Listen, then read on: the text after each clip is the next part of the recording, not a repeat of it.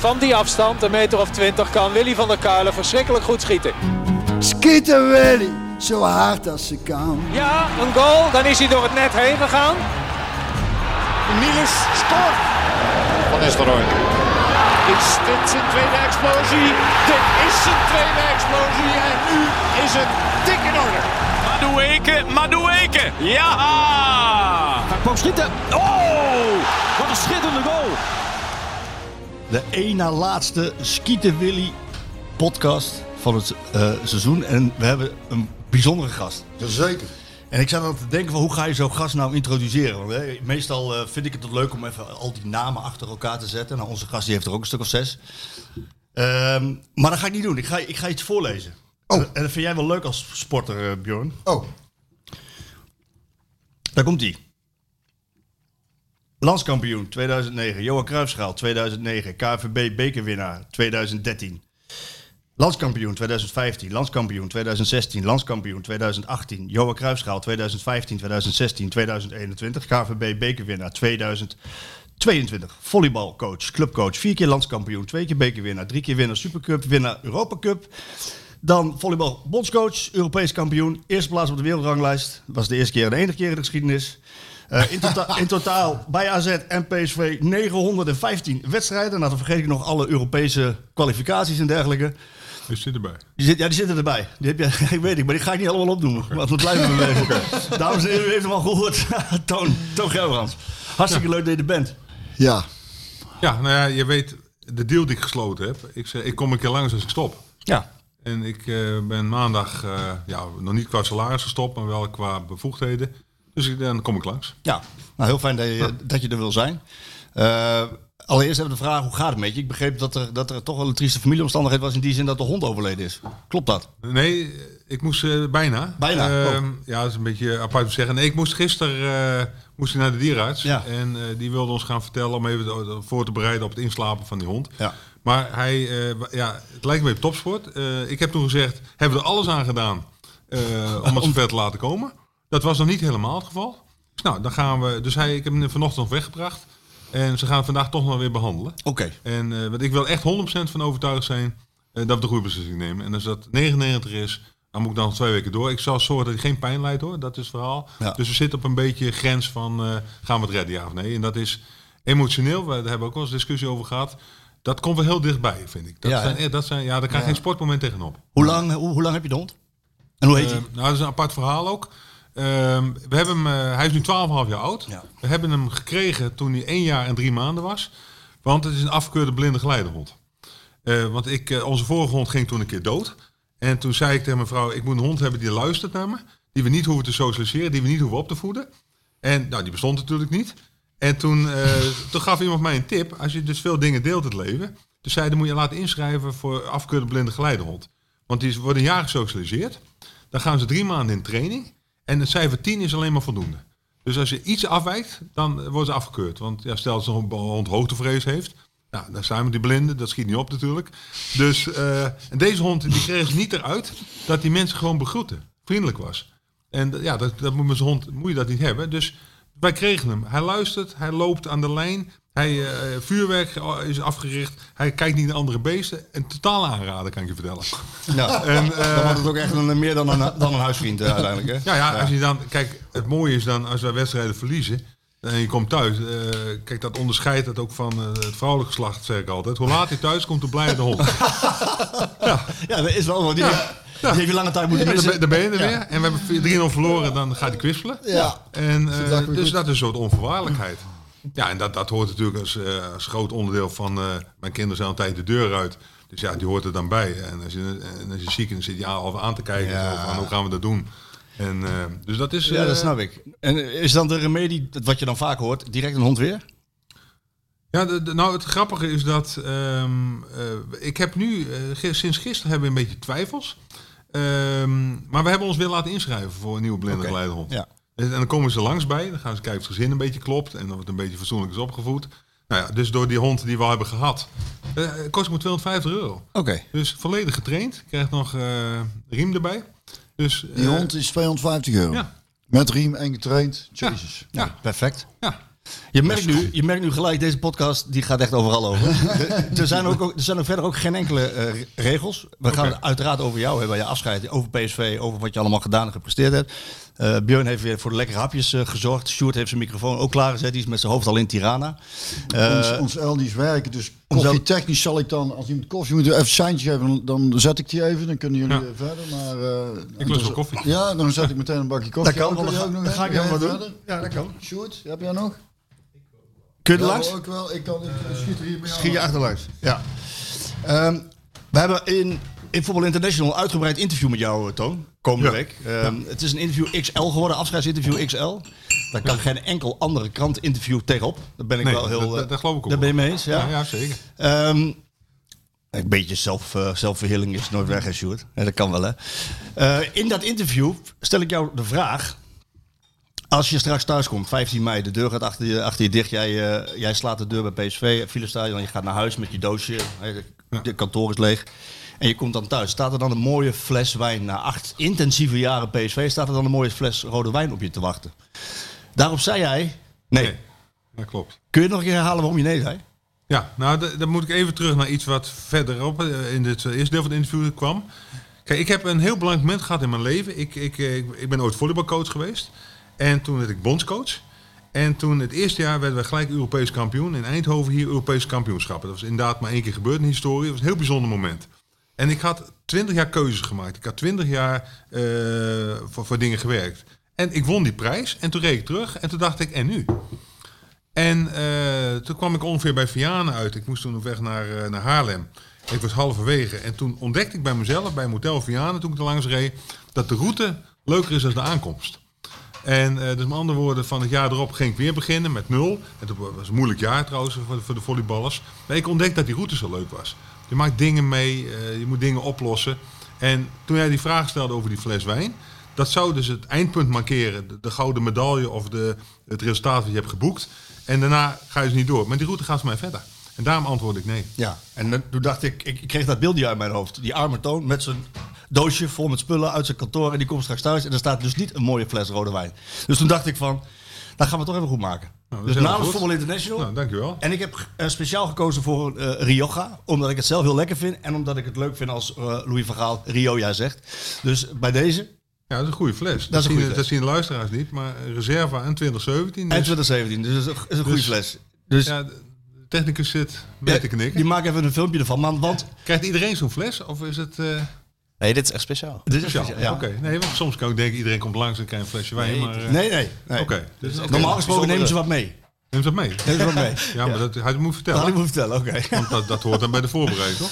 Ja. Nou, bij okay. deze, nou, bijzonder, uh, dankjewel. Alsjeblieft. En. Ja. ja. dus als je straks thuis komt en je hebt een mooi momentje. Uh, nou, dat gaat zeker gebeuren. En we hebben wel wijn thuis, dus zo is ja, het nog niet. Ik, maar, maar niet speciaal voor dat laatste moment. Exact. Dankjewel. Uh, hoe gaat het? Want je hebt de deur achter je dichtgeslagen. Ja. Hoe, hoe waren de afgelopen dagen? Neem ons eens mee. Want Oh, heel natuurlijk. Het is zo, uh, ja, kijk, even, mensen, de luisteraars die me niet goed kennen, ik sluit dingen letterlijk af. Dus wij hebben inderdaad de laatste wedstrijd gehad. Dat was dan die zondags. Deur gaat dicht. En uh, het kantoor was ontruimd. En de volgende ochtend was ik daar uh, vrij vroeg. En om half negen komt Marcel Brands binnen. Dus dan gaat hij naar, ja, ik zeg mijn kantoor, maar het is niet meer. Dus het, hij gaat naar zijn kantoor. Uh, nou, een kop koffie drinken. even wat, wat, wat zaken bespreken. Hij ging vrij snel naar de hertgang. Want Ruud van Nistelrooy, uh, als je praat over letterlijk deuren dicht en openzetten, die was daar. Mhm. Mm -hmm. Dus die heeft de hele spelersgroep uh, gesproken. En, uh, want ja, zijn start van het seizoen begint op, letterlijk op 16 mei. Ja. Jongens gaan vakantie, je maakt afspraken, wat is het programma, hoe doe je het fysiek. nou, even voorstellen, even vertellen, want Ruud kent natuurlijk ook, niet, niet iedereen kende hem, om maar zo te zeggen. Dus dat, dat vindt daar plaats. Hij is Marcel is daar geweest. En ik ben nu met hem bezig, op zijn verzoek trouwens, want anders had ik het niet gedaan. Uh, een beetje inwerken. Dus hij heeft wat vragen over, uh, want hij is natuurlijk nu algemeen directeur. En hij was ook altijd de groot specialist technisch directeur. En ik ben een roadshow aan het maken. Dus ik uh, naar de burgemeester, naar de korpschef, naar Kla Klaas Dijkhoff, die had hij ook nog niet ontmoet bijvoorbeeld. Nee. Die kent hij natuurlijk wel van naam, maar nog niet echt persoonlijk ontmoet. Nee. Dus we hebben een soort roadshow bedacht, twee weken. En rond 1 juni is dat afgelopen.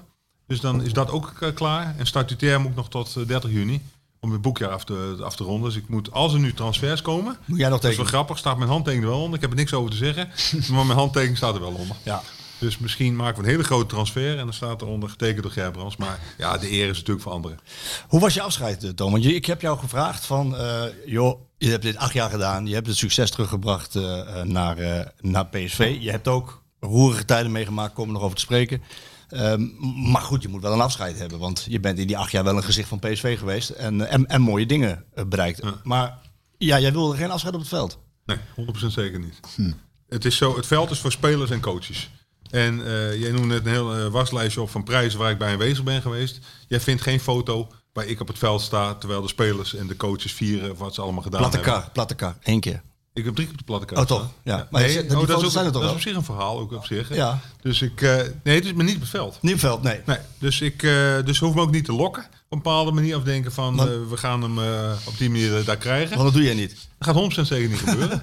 Zo scherp ben ik zelf dan nog wel. Nee, maar ik vind ook echt principieel, dat is voor spelers en coaches. En daar hoort niet de bestuurder te staan. Dat vind ik. Maar het is niet jouw succes. Ja, ik ben onderdeel van het succes geweest door een bepaalde bijdrage te leveren die niet meetbaar is. Daar moet je ook eerlijk over zijn, want heel veel mensen claimen succes. En je stelt goede mensen aan, je helpt ze, je praat met ze. Ik praat met spelers, ik praat met coaches. Ja, zeg het maar. Eh, welk onderdeel is daarvan? Nou, je, je bent onderdeel, je bent verantwoordelijk, laat ik het wel zo zeggen. Dus ook als het fout gaat, ben je verantwoordelijk. Als het goed gaat, eh, mag je dat op je lijstje gaan, gaan zetten. Dus op dat moment was ik daar aanwezig. En eh, daar doe je je best voor om het voor elkaar te krijgen. Maar afscheid is niet voor op het veld voor bestuurders, dat vind ik. Vertel zo even over hoe dat afscheid dan wel ging. Maar eerst even die platte kar. Want je, dat, ook dat wilde je niet. Maar je bent erop, je, je, je bent erop ges- op eigenlijk. Anders ging, anders ging ja. de kar niet weg. Nee, maar de- Marcel Brands en ik hadden... eh Marcel zat er al een tijdje, maar er waren zeven jaar ervoor geen kampioenschappen gevallen. Nee. Nou, wij werden dat jaar kampioen. En eh, toen werd de week van tevoren, werd gezegd, ja, de traditie is hier, we, we we gaan met die platte kaart, als een bus bleek dat te zijn, maar goed, eh, we gaan door Eindhoven heen. En Marcel en ik zeiden allebei los van elkaar, terwijl we niet overlegd hadden. Dat is prima voor de spelers en de coaches. Eh, wij volgen dat op afstand wel en komt goed. Nou, dat, dat was een taxatiefout, kan ik je vertellen. Ja. Want eh, nou, dat werd echt een rel. Want eh, het was zelfs zo dat Mart van Heuvel en Philip zeiden... als jullie niet op die kaart gaan staan met z'n tweeën, gaat die kaart niet rijden. En dus ik dacht eerst dat het een geintje was. Nee, maar dat was bloedserieus. We waren echt, echt een beetje boos op ons. Zo van, we gaan het hele jaar staan we daar. Daar hoort de algemeen directeur of de hoogste man in rang daarbij. En Marcel heeft alles gedaan om voor elkaar te krijgen. Jullie met z'n tweeën, niet de rest van de directie, maar die twee gaan gewoon mee. Dat hoort bij de traditie. En anders gaat die kaart niet rijden. en eh, nou, dat heeft nog een halve dag geduurd. Maar toen was het echt wel duidelijk dat wij bakzeil moesten halen. En ik zou je eerlijk vertellen, het was natuurlijk van ons taxatiefout. Want eh, wat we daar beleefd hebben, en eh, ik heb dat drie keer mogen doen, dat is iets zo speciaals. Ja. Met 60.000 man er langs op die pleinen. Ja. Ja. dan hoor je ook bij de geschiedenis van een club, vind ik, als je prijzen wint. En, eh, en dat geeft ook de verbondenheid. Als je daar samen een keer hebt gestaan, ja, daar, daar kan niks tegenop. Dus met andere woorden, dat hadden we gewoon fout ingeschat. Een soort eh, bescheidenheid die we wel hadden. Maar eh, daar heb ik toen wel staan met shirtjes en pet en sjalen staan feesten. En bier drinken. Is Björn van der Doel een clubicoon? Zeker. Ben jij een clubicoon? Nee. Grappig hè? Hij heeft er langer gezeten dan jij. Ja. Ja, ja, als je jouw jeugd meetelt niet. Maar Nee, maar ja, bij de- ik vind dat grappig. ik zou er zelf ook niet snel snel, snel Nee, maar hij meent het ook hè. Hij acht jaar, acht meen jaar ook. directeur geweest. Ja, ik ben het ook. Ja. Vind je het niet bijzonder? En waarom, waarom, waarom wat, wat is het verschil Toon dan? Wat, waar, waarom je jezelf niet als clubicoon ziet en, en mij wel? Omdat ik in zo'n dienstbare rol heb gezeten eh, in mijn functie eh, binnen zo'n club. Je hebt het veld gestaan, eh, je hebt prijzen gewonnen, je hebt eh, dingen bereikt enzovoort. Dat zijn de Jij hebt meer prijzen. Ja, maar niet. eh, kijk, als, ze- ze zouden in de volleybalwereld nog kunnen zeggen als coach dat ik daar nog misschien icoon wordt genoemd. Bestuurlijk vind ik dat dus niet. Oké. De, de voorzitter van de volleybalbond, eh, die dan toevallig daar vier keer bij aanwezig Olympisch goud wordt, jullie kennen hem niet eens, is dus geen icoon. Nee.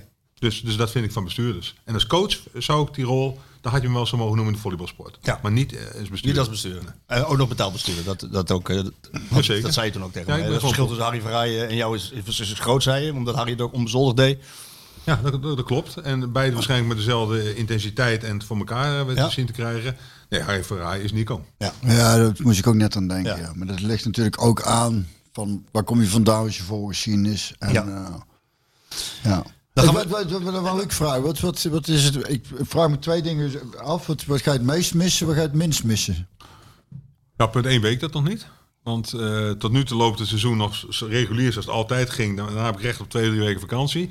Dus het zal pas vanaf 1 juli ongeveer eh, dat gevoel gaan, eh, gaan krijgen. Ja, en ik kan een inschatting maken wat, wat, wat ik het meest of minst ga missen. Maar ik heb geen idee. Ik, Ik weet, wel. ik weet echt niet. Ik wel. Wat, hij- wat wat het minst gaat missen is, is Twitter. Ja, dat las ik ook. Twitter gaat Nou, er meteen Ik uit. zit thuis op de bank, Jurn. Het is vijf over twaalf. En pats. Vijf over twaalf op de, op de 16. Hij was ook de eerste die reageerde eh, met de, re- met, met de retweet. Dat zag ik nog net, want hij, Ja. hij gaat pas een halve dag later eruit. Ik denk, ja, zo ridicuul kan het toch niet zijn dat je vijf over twaalf op de 16e mei, pats. Ja. Meteen Twitter eraf. Ja. Dat ga je niet missen. Nee, dat ga ik niet missen. Maar is, is, dat vraag ik me dan af, want ik, sta- dus bij, ik heb zelf geen Twitter en zo. En ik vraag me af, is dat, is dat nodig? Is het nodig om, om, een, eh, om, om Twitter te hebben? Nee. Nee, ik zou ook iedere bestuurder aanraden dat niet te doen. Ik, ik, eh, de, de, even de, de tijdgeest en de geschiedenis moet ik wel even vertellen. Kijk, toen ik acht jaar geleden kwam, toen kwam eh, Thijs Legers, de persman, naar me toe. Ja. Die zei, luister, het zou mooi zijn als iemand van de directie op Twitter gaat. Dus eh, een account aangemaakt. Nou, dan heb je binnen drie dagen 28.000 volgers. Zo gaat dat dan ongeveer als je dan directeur van PSV bent. Ja. Niks mee te maken. Nou, dus ik begon leuke berichtjes te zetten. En er werd een keer een jeugdteam kampioen. En weet je, allemaal dat soort dingetjes. Of een keer wat uitleg geven. Op, dat ging de eerste twee jaar nog prima.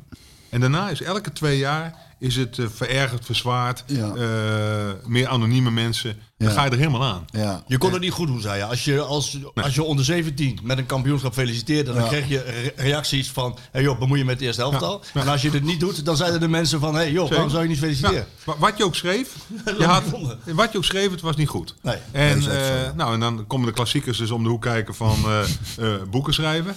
Eh, of uh, volleybalcoach die weer wat roept. En, eh, nee, maar goed, ik kan hoop hebben. Ik, ik accepteer spandoeken, ik accepteer spreekkoren. Dat hoort ook bij een functie. Af en toe hoort dat erbij het niet al te lang duurt. Maar eh, bij de Twitter, dat werd steeds erger. Kijk, ik, ik, eh, Jurgen eh, Nagel- Nagelsman, die verliest met Bayern München een, een wedstrijd. En die krijgt 450 doodsbedreigingen.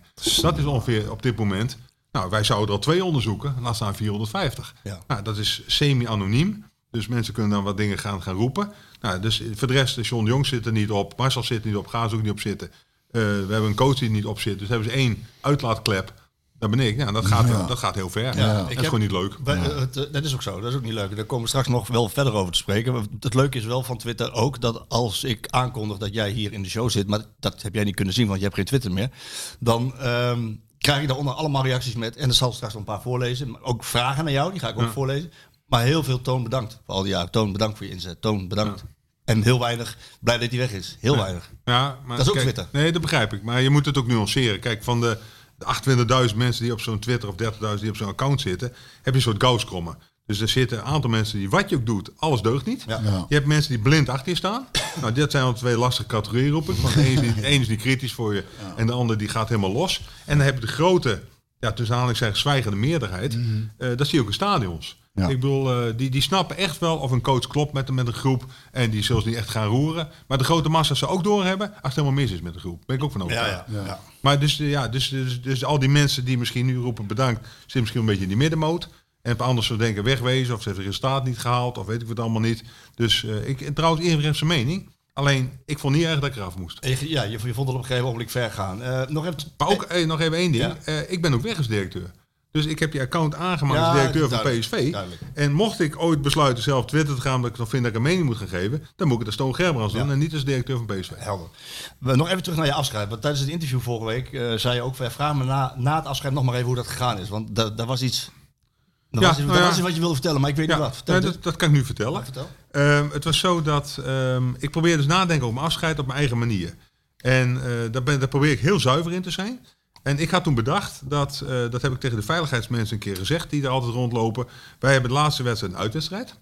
En ehm, eh, we hebben altijd een vol uitvak. Wat, wat, wat PSV acht jaar heeft gesteund. Want ze is altijd vol, het hele verhaal.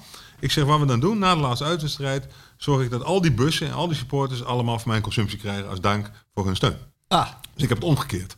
Ik heb hun bedankt en van hun afscheid genomen. wat goed. En, eh, en toen zei iemand, hij had dat ook gedaan bij uitvak Ajax? Absoluut. Ja. Dan was ik nog een keer extra naar de pinautomaat gegaan. Dan had ik iets meer gehaald. Ja. Dat maakt dan niet uit. Nee. Dus dat was mijn idee om hun te bedanken. Wat was de attentie? Een consumptie? Ja, zeker. Oké, eh, ja, ja. Dus, eh, in de bus wordt altijd bier Ja, gedronken oh, of andere dingen. Dus, dat, eh, dus ze kregen ze allemaal een rondje. En maar je alle de, bussen. heb je de feedback op me gekregen? Nee. Nee, niks Hoef voor. ik ook niet. Of hoef ik niet. Nee, ik heb ooit geleerd van iemand, als je iets doet, eh, dan doe je dat onvoorwaardelijk en dan moet je, hoef je er niks voor terug te Nee. krijgen. Dus ik, eh, misschien hebben ze op Twitter gereageerd, maar dat niet. heb ik niet meer Ik- gezien. ik- ik- ik Ik, heb- eh, ik weet het. Ik heb het ook niet gezien. Hoe was het afscheid op, eh, op de club? Hebben ze iets geregeld voor je? Hadden ze wat eh, v- voorbereid? Nee? Want dat wilde je niet. Nee, dat klopt. Ja. Het is zo dat... eh, vijf- Erik, vind je- Wat vind je daar- jij zegt, Wat vind je daar nou van? Ja, ik vind dat mooi. Eh, ja, ja, ik weet- ja, gewoon het... Je moet mensen ook de gelegenheid geven toch, om afscheid van je te nemen. 25 mei, koffie met een stukje gebak en dat zit. Oké. Dus er komt, ja, dat was het. Ja. Appeltaart? Ik denk flyer. Fly. Ja. Ik, en dat regel ik niet zelf. Ik heb een hoop dingen Ah, ja. onder controle, maar die hoef ik niet zelf te betalen. Nee. nee. we gaan het, we gaan, eh, ik ga even een hele kleine zijstap maken, want ik wil jou, ik wil je, wil je laten zien hoe invloedrijk deze podcast is. Dus dat Is invloedrijk, ja? bedoel, je, je zit daar op een stoel waar ook eh, echte iconen als Luc van Acht en Mart van der Heuvel en Barry van Aalen hebben gezeten. Dus het is een hotspot zit je nou op. Ehm, hoe invloedrijk wij zijn. Ik moet, ik moet een heel klein zijstapje maken richting Björn. We hebben de afgelopen twee uitzendingen, afleveringen, hebben wij het over homoseksualiteit in het voetbal gehad. Klopt hè? ja. Voetballer uit de kast hè? Engeland. Ja, ja, ja, ja. Ik, Hey, zou- ik, ik- Blackpool, Jack Daniels, ja. 17 jaar. Jack Daniels heet hij zo. ja? Jake Daniels. Oh, Jake. Ja, bijna Jack Daniels. Dat is, dat is whisky, toch? ja, Whisky. dat weet ik wel net zeggen. Ja, maar die jongen die is uit de kast gekomen, dus die dacht van uh, na Die hebben de podcast geluisterd. Die van, dacht, het is veilig, het kan. Het is veilig, het kan gewoon. Nou, ja, nou eh, dat is te hopen dat dat... eh, Dat het doorzet. Ja, dat, dat, dat, dat een bepaald soort eh, taboe doorbreekt. Ja. Wat is jouw mening daarop, Toon? Ja, ik, heb dat, eh, ik, ik snap mensen die, dat ze het moeilijk vinden om bang voor de reacties te zijn. Maar je ziet dus nu wat er gebeurt. Ik volg het ook een beetje. Ja. En een groot applaus. Ja. En eh, iedereen vindt het geweldig. Dus ik hoop dat dat eh, snel gaat gebeuren. Ja. Ja. Ik bedoel, ja, bij bepaalde sporten, eh, bij, bij volleybal was het geen issue. Om even te roepen. Nee, bij, Ja, dus bij, ik, en bij damesvoetbal ook niet. Nee, dat klopt. Nee. dus het is eigenlijk heel wonderlijk dat dat zo is. Het is een soort angst die er waarschijnlijk regeert dat mensen dat dus niet gaan doen. Ongegronde angst in jou- jouw Ja. ogen? Ja, in mijn Ja, ogen ook. Dat ja. denk ik echt. Ja, er zullen wel wat nare dingetjes gezegd en geschreeuwd worden af en toe. Nee, maar dat heeft, dat heeft niks te maken met eh, het feit dat, dat iemand uit de kast komt. nee. Ik bedoel, ze roepen op mij, wat ik zeg, volleyballen, boeken schrijven, ze vinden wel wat. Ja. En, eh, en als je Björn een uh, verkeerde liedje schrijft, dan gaan ze ook joelen. Ja. Dus eh, dat maakt, heeft niks te maken met het feit hoe iemand geaard is. Ja, duidelijk. Zou jij emotioneel zijn als je na acht jaar bij een club afscheid neemt? Nou ja, ik, ik, toen ik na eh, zes jaar, of tenminste eh 14 jaar PSV dan, hè, ik was eh, Die in jeugd kwam. jeugd erbij, eh daar was ik wel geëmotioneerd, ja. Traantje gelaten. Ja, tijdens, ik kreeg een publiekswissel en, toen, en dan als er dan zo'n 30.000 man gaan staan, dan schoot ik wel even vol. Maar omdat, omdat, nou ja, omdat het voor mij ook natuurlijk, ik daar opgegroeid ben. Hè, als tienjarige ben ik in de jeugd gekomen. Dus, en ik wilde eigenlijk ook nooit weg. Ik ben een jaartje verhuurd geweest aan Luik. Maar ja, op een gegeven moment was het wel zaak dat ik denk, ja, ik moet nou toch eigenlijk wel meer gaan voetballen. Dus dat was eigenlijk de enige reden dat ik bij PSV Maar dat is een soort identiteit. Ja, Want dat gaat veel dieper. Dat, dat bedoel ik. ik. Ik zie mezelf als de professional die daar acht jaar gewerkt heeft. Maar bij jou is het vanaf jongs af aan alles Ja, het- meegemaakt, opgevoed, dingen beleefd. Is bijna identiteit. Jij, de- jij zou de hele leven PSV blijven. Ja, op de tribune en natuurlijk op het jeugdgang staan, Elsaatje staan. Dus dat was wel, eh daar weet ik nog wel dat ik dat toch wel. Maar ook toen ik stopte met voetballen hoor, dat was, dat was een bevrijding. Maar aan de andere kant dacht ik ook al, hier ben ik heel mijn leven mee bezig geweest. Dus dat was eigenlijk wel, dat was wel een grote stap. Dus toen ik daarover naging, denk ik, dacht oeh, dit is nou wel ten einde. En nog steeds heb ik daar geen spijt van. Maar als, als ik, wat dat betreft heb ik sowieso moeite met afscheid nemen van van alles. Daarvoor bewaar ik ook van alles hè. De bioscoopkaartjes soort Ja, je hele, je hele, je hele, ik ben naar de wc zo meteen. Alle hele wc, bolletjes, bolletjes. eh, ja. ik kan, eh, dan is het toch een beetje tastbaar in het verleden. Weet je hoe het met Toon gaat? Nee. Precies tegenovergesteld. Ja, dat vermoeden had ik al. Die trekt de deur uit en is dicht is klaar. Ja. Die voelt, die, die, en als hij al emoties heeft, dan houdt hij die lekker van binnen. Nee, maar ik, ik heb niet zo heel veel emotie. Ik, eh, ik had het laatst, want na een veel interview kwam ik daarna nog eh Ton van Veneke tegen. En toen hadden we het er even over. Ik zei, iedereen die probeert over die emoties te vragen. En toen zei hij ook, hij zegt, jij bent een professional, maar ook qua emoties. Als je je hele leven lang, eh zeg maar dit laatste twintig jaar, de emoties moet kanaliseren. Dus als het eh, te veel euforie is, moet ik het een beetje naar het midden Ja. trekken. Als het in de put zit, dan moet ik het omhoog trekken. Ja. Dat doe je dan twintig jaar lang. Ja, dan leer je dat van jezelf om niet extreme emoties naar boven en naar- en naar beneden te gaan. Ja. En nou, dat gebeurt al eens een keer. Maar, eh, maar dat zijn dus momenten. Eh, ik heb dat voor mij bij jou in het interview ook al. ge- Ze moet allemaal gaan lezen, het interview. Ja, dat is toch wel Ja, dus toen zei ik wel een keer. Kijk, de, de meest mooie momenten zijn dan. ehm, wij werden eh, tegen Ajax de laatste keer kampioen. En Marcel Brands stond daar toen als, als technisch directeur. Ik zat op die stoel. Het laatste fluitsignaal gaat. Dan hoef ik alleen maar aan te kijken. En dan is die blik naar elkaar toe. Dat zegt dan echt in een split second alles. De, Ja. de- hoe hard je gewerkt hebt, wat je betekent voor elkaar. Dan hoef je elkaar in de hals te vliegen. Je hoeft niet eh, te gaan juichen of te gaan schreeuwen. Die blik is dan alles. Dat had ik met John de Jong ook na de beker. Dat, eh, kijk, eh, met John, we hebben de laatste vier jaar best eh, hoop hard moeten werken. Nou, niet veel prijzen gewonnen, daar zal ik ook eerlijk over zijn. Nou, dan valt zo'n beker een keer in zo'n wedstrijd. Alles valt goed, eh, halve stadion vol. Dan is die blik is voldoende voor mij. En dat is de echte emotie. Ja, maar dat is een seconde. Ja, maar, die, de, intensiteit van die seconde, Die kan honderd keer hoger zijn Ja, ja. dan iemand die 10 minuten staat te houden. Ja. Ja. Voor, voor de rest hou je je emoties flink eh, onder controle. Ja, die is, Nee, die- ik ben gewoon mezelf. Hij, hij doet En de deur dicht en, en PSV is afgesloten. Je hebt wel eh, twee stoelen, hè? Maar gekocht. Kijk. Ja, Gewoon maar, gekocht. ja, maar ik heb ook uitgelegd dat ik heb in al die acht jaar nooit een vrijkaartje gevraagd. Ik heb als iemand wilde hebben, kocht ik ze gewoon. Ook een soort voorbeeldgedrag. En denk ik, nou, dan blijf ik onafhankelijk.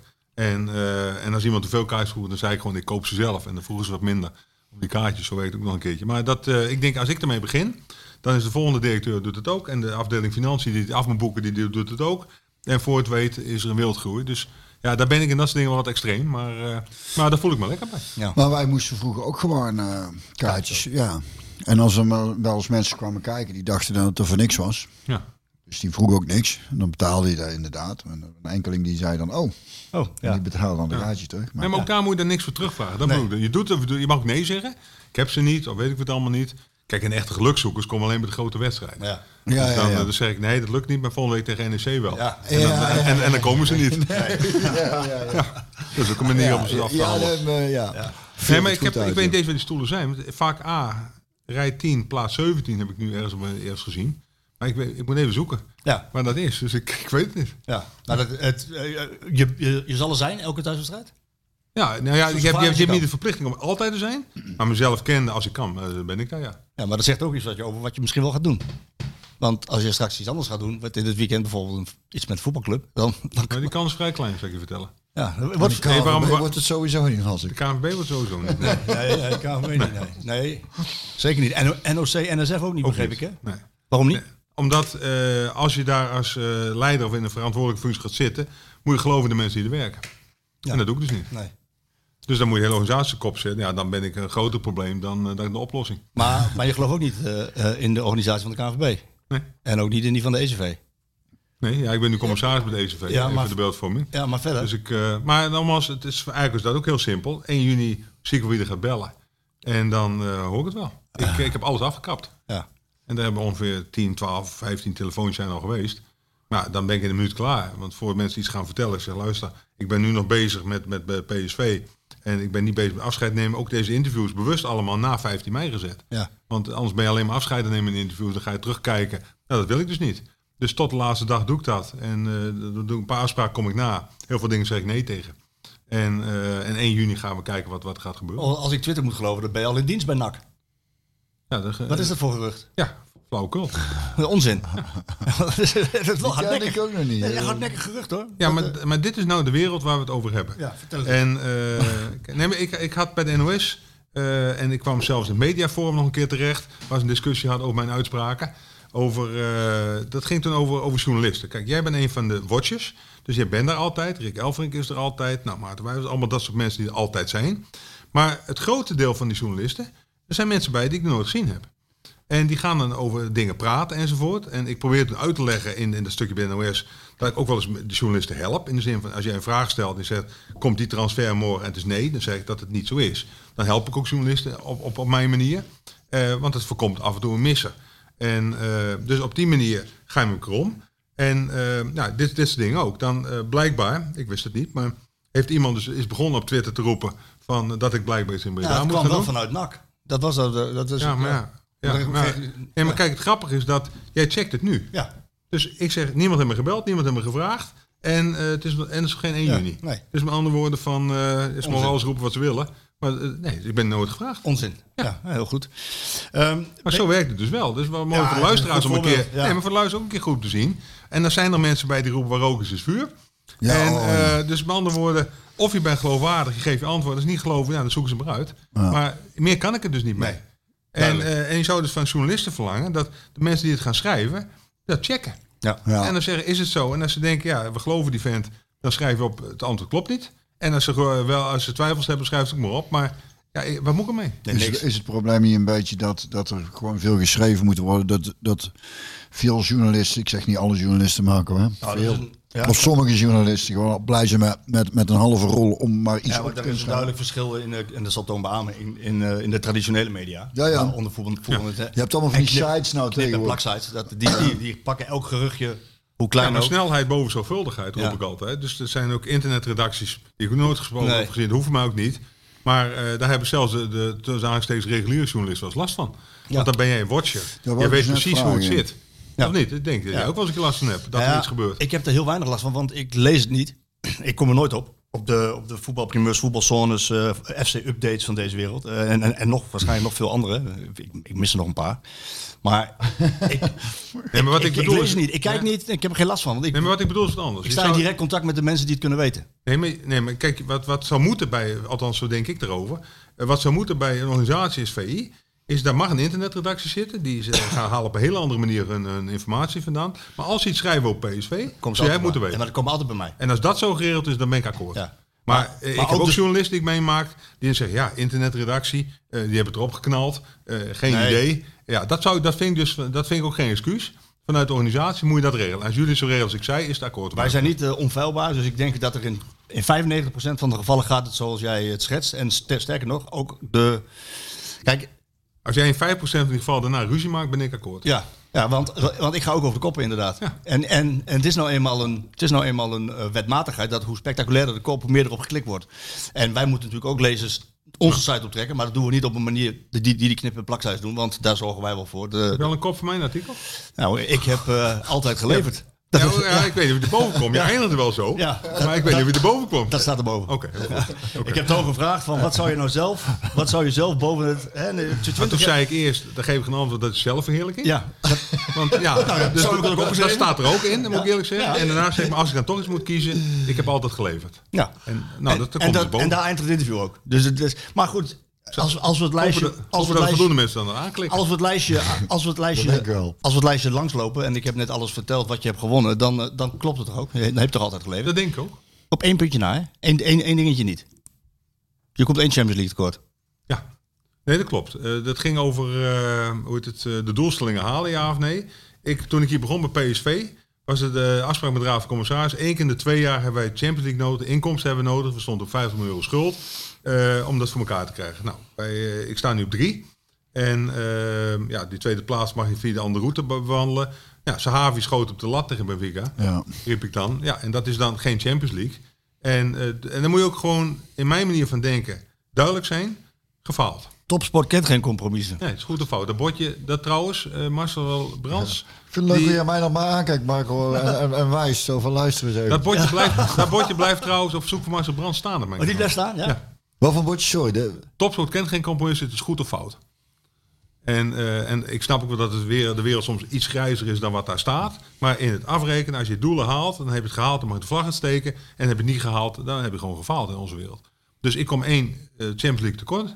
En toen zei ook iemand nog, ja, stel nu dat we volgende route eh, het volgend jaar wel halen. Nou, die kan ik niet meetellen, want Mars Brands aan bewint. Die wou hem gelijk opschrijven. Nou, duidelijk.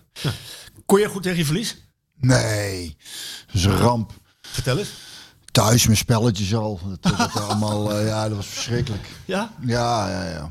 Daar moest als moeder af en toe ingrijpen hoor. En dat gaat nou beter. Er ging ganse bord de lucht in. Ja.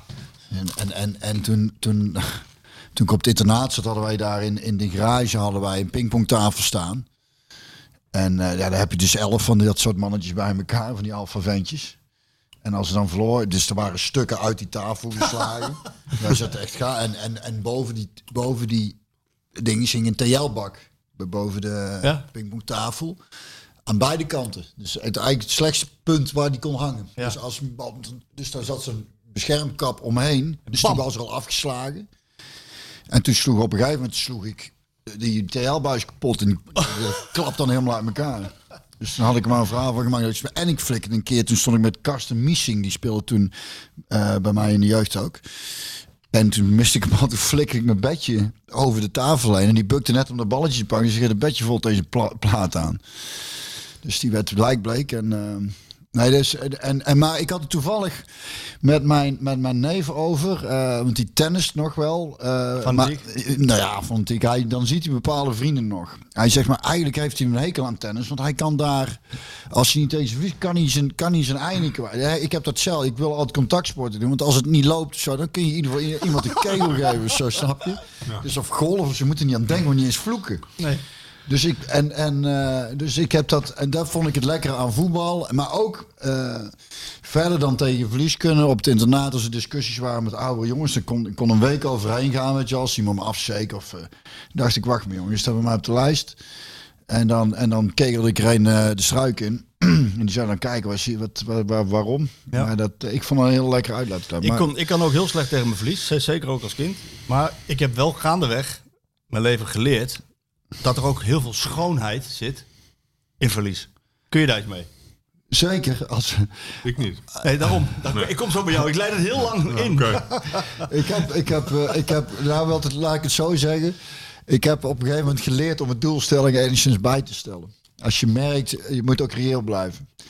Dus ik had als kind de doelstelling om Nederland zelf te halen. En dan eh, natuurlijk droom je van een winnende goal in de WK-finale en zo. En op een gegeven moment eh, eh, heb ik geleerd dat, eh, dat mislukking ook wel degelijk bij het leven hoort. Ja. En, en, en, ik, en ergens, en dat heb ik helemaal geleerd, zeker toen ik ben gaan, eh, ben gaan spelen en dan, en dan kom je in gekste situaties terecht. Maar mijn afscheid bij NEC was al, we, we verloren thuis en het, en het regen en het stadion was half leeg, dus dat paste ook perfect bij mij. Kijk, net zoals Philip, daar haal ik vaak aan, die scoorde de winnende goal, werd een kampioen, hoort bij een carrière van Philip. Ja, bij mij past het ook, dan denk en dan vind ik het ergens Dat ook wel weer wel- Daar komisch. zit dus een bepaalde schoonheid in. Ik ken, Nou niemand, ik ken komisch. niemand die zo mooi kan verliezen als er een klein beetje on, eh, onrechtvaardigheid in zit. Ik, ja, ik ken het ook al heel lang. ik ken niemand die zo mooi kan verliezen als jij. Jou, jij, krijgt een, jij krijgt een ander gezicht. Jij krijgt een lipje dat een beetje trilt. Eh, en zeker als het, als het een beetje onrechtvaardig gebeurt, hè? Ja, dat is mijn valkuil. Dat, eh, dat heb ik in de loop van jaren wel geleerd. Als er voor mijn gevoel onrechtvaardigheidsgevoel bij zit, dan ben ik niet, dan ben ik niet meer redelijk. Nee. En, maar, dus, nee, maar kijk... Gebeurt ehm, twee, drie keer in een jaar niet meer. Nee, dat, dat heb ik moeten leren. Ja. Dat ging vroeger. Maar ik ben ook volleybalcoach speler geweest. Ook incidenten hebben daar plaatsgevonden op dat, eh, op dat gebied. Maar ehm, ja, dat gaat steeds beter. Dat zal iets met leeftijd te maken hebben enzovoort. Maar de schoonheid van verliezen heb ik nog nooit eh, ervaren. Nee, Ja, maar ik niet. vind het dus... Ik, ik dat is kan een dus- beetje romantiek wat journalisten allemaal Nee, geweldig ik kan vinden. genieten als ik jou zo Ja, zie. Ja, ja. dat is mooi. Ja. Ik gelukkig, dat- maar het blijft ook bij PSV, dat ik niet al te vaak verloren heb. Is voor de kijker. Is Ik zal, eh, ja. nee, maar ik, eh, kijk, ik, ik ga het toch vertellen. Kijk, ik vond dat Tom Boot het mooi, meest mooi omschreef, Ja. de oude basketbalcoach. Die op een gegeven moment na een wedstrijd had ze verloren. En toen vroegen ze aan hem, kunt u dat niet relativeren? En toen zei hij, luister, hij zei, er zijn belangrijke dingen in de wereld. Er is oorlog hier, we hebben toeslagenaffaires, dat is allemaal veel belangrijker. Er gaan mensen dood. Maar als ik dit moet relativeren, moet ik 75% van mijn leven relativeren. Ja. En dat ga ik niet doen. Nee. Ik ben er vol mee betrokken. En eh, dus woorden, verliezen. Ze nou leuk, we gaan naar huis toe en we zien wel weer hoe we het oplossen. Nee, zolang je verantwoordelijkheid draagt in, in dat soort functies, of coach bent, of, of speler, of, of directeur. Eh, misschien ga ik die romantiek van verliezen wel een keer zien. Over twee jaar ik voor een buis zit, geen emotie heb. Dan denk ik, nou, geweldig, iemand maait er een bal heen. En, en, die, en, die, en de wereldtitel wordt verspeeld. En die moet het bejaardenhuis in. En die moet aan zijn hele leven horen dat hij die bal heeft verspeeld. Ja. Maar dat is Ja. dat ik er tijdens voetbal achterkwam als iets funest is voor topsport is het relativeren. Nee, dat kan niet. Dat, dat is onmogelijk. Ja. En dan merkte ik, daar kwam ik dus zelf tijdens mijn carrière uit dat ik dat, ik dat steeds meer ging doen. En toen dacht ik, nou moet, Moet eruit, nou moet je eruit ook. Ik wil, eh, ik wil even iets voorlezen. Ik heb eh, eh, het interview gevraagd, uh, een interview met Toon gehad. En eh, eh, ja, dat was eigenlijk nog ja, eigenlijk vlak voor de bekerfinale. Sorry, ik, ik, ik, ik moet mezelf... dat was voor de wedstrijd tegen Feyenoord. De wedstrijd tegen Feyenoord. Ehm, en dat was toch wel vrij bepalend, die wedstrijd, voor de titelstrijd. Hè, als PSV won in de Kuip, dan kon je op de laatste slotdag kon je nog misschien wel de titel pakken. En, dus dat interview was al geweest. En Zedda Kuzubuuk, die maakt die beslissing om een penalty te geven. Ja. Dus ja, om het, om het over het emotionele te hebben en over het onrechtvaardigheid, wilde ik toch Toon nog even iets vragen over, over dat moment. Ja. Dit was het antwoord. Dus dat, dat kwam gisteren.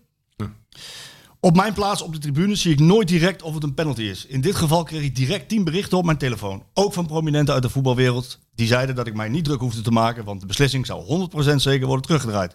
Tja, en dan gaat alles fout. En wordt er toch een penalty gegeven. Het is onbegrijpelijk dat ze de beelden niet zijn gaan checken. Dat is de taak van Van Boekel. Die heeft gefaald. Als hij Kuzubujuk naar het scherm had laten komen, had hij er nog een keer goed naar kunnen kijken. Had hij een beslissing genomen die hij achteraf ook voor de camera kon uitleggen. En dat hadden we dan moeten accepteren. Mijn gevoel is dat Van Boekel de fout in is gegaan. Het effect is nu dat dit altijd zal blijven kleven aan de carrière van Kuzebuurk. Daarin is deze wereld ook meedogenloos. In de Kuip was ik heel rustig. Later voelde ik dat ons onrecht is aangedaan. En dat voelde niet goed. De titelstrijd was nog niet gespeeld, maar die is wel vroegtijdig beëindigd. Ja. Dat er tot nu toe niemand vanuit de KNVB voor een camera is verschenen, is schrijnend. Leiderschap moet je tonen op dit soort momenten. Juist. Ja, mijn irritaties lopen weer op. Dus toch weer zo'n vervelend emotioneel moment. In dit geval moest ik het zelf verwerken en heb ik verder niemand gesproken. Ik, ik lees dit, maar ik zie daar ook gelijk het beeld bij. Dus jij geeft een antwoord en jij wordt, Ja, jij dat wordt weer boos. Dat klopt. Ja, Dat klopt. Ja, ja. Nee, kijk, en je kan er even over nadenken, want het was wat later na het Ja. moment. En eh, dit heb ik letterlijk zo beleefd. En ehm, kijk, en, eh, ik noem nog gelijk een aantal dingen op. Kijk, fouten worden gemaakt.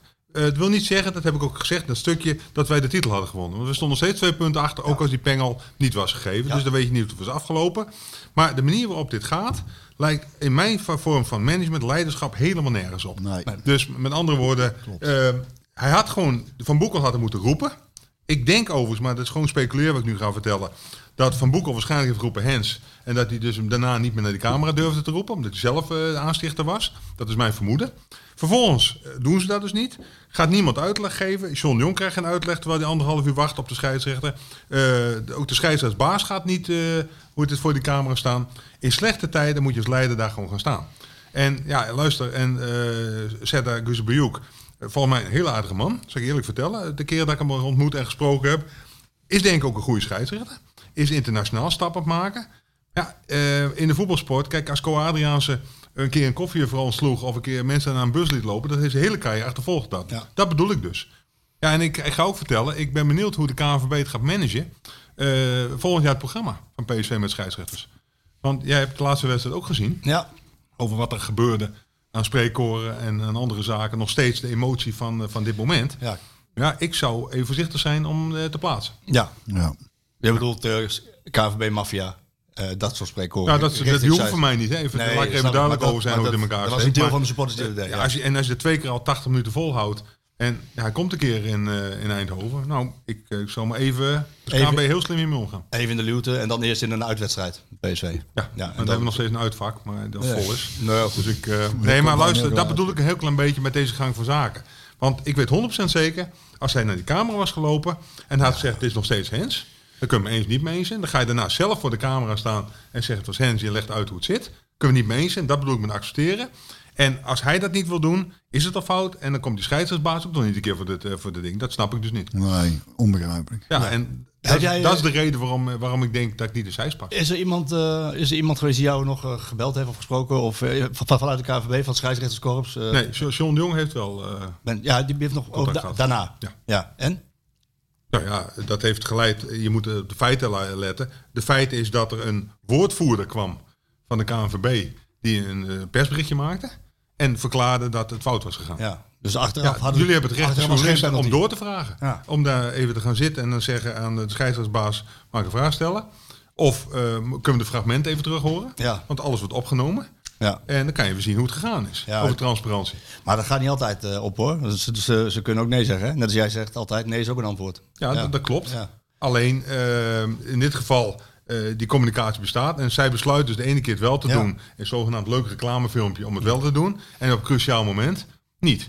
En uh, stel dat, dat ik met mijn uh, zeg maar vermoeden en speculatie is, hè, dus laat ik even duidelijk of ik gelijk heb, mm -hmm. zou dat de scheidsrechter hebben kunnen helpen. Ja. Ja, klopt. Nou ja, Want dan, dan gebeurt er iets. En, of zeg dan eerlijk, zo ging de communicatie enzovoort. Met name voor de Duitsers, uh, Gutsen en, uh, en, en Roger Schmid, was dit onbegrijpelijk. Omdat dit in Duitsland nooit zo, zo, zo ja. zou gaan, zeiden ze. Want dan, ook, ook al moeten ze een kwartier nadenken, maar dan komen ze altijd met de In elke topsportomgeving was dit goed opgelost. En ja. in dit geval dus net niet. En nogmaals, even, want anders wordt het... Kijk, dan gaan mensen roepen, kalimeren of dat soort dingen. Dan hoor ik ook iets te fout. Als het een keer niet uitkomt, vind ik allemaal zo flauw. Uh, het is zo dat uh, dit had gewoon op topniveau gemanaged moeten worden. Mm. En klaar is Kees. Dan was het op, opgelost geweest, hadden we het niet mee eens kunnen zijn. En we hadden nog steeds de titel niet gewonnen. We stonden steeds twee punten achter. Ajax alles zelf in eigen hand. Daar gaat het me niet om. Maar ze ontnemen een hele mooie week voor Nederland.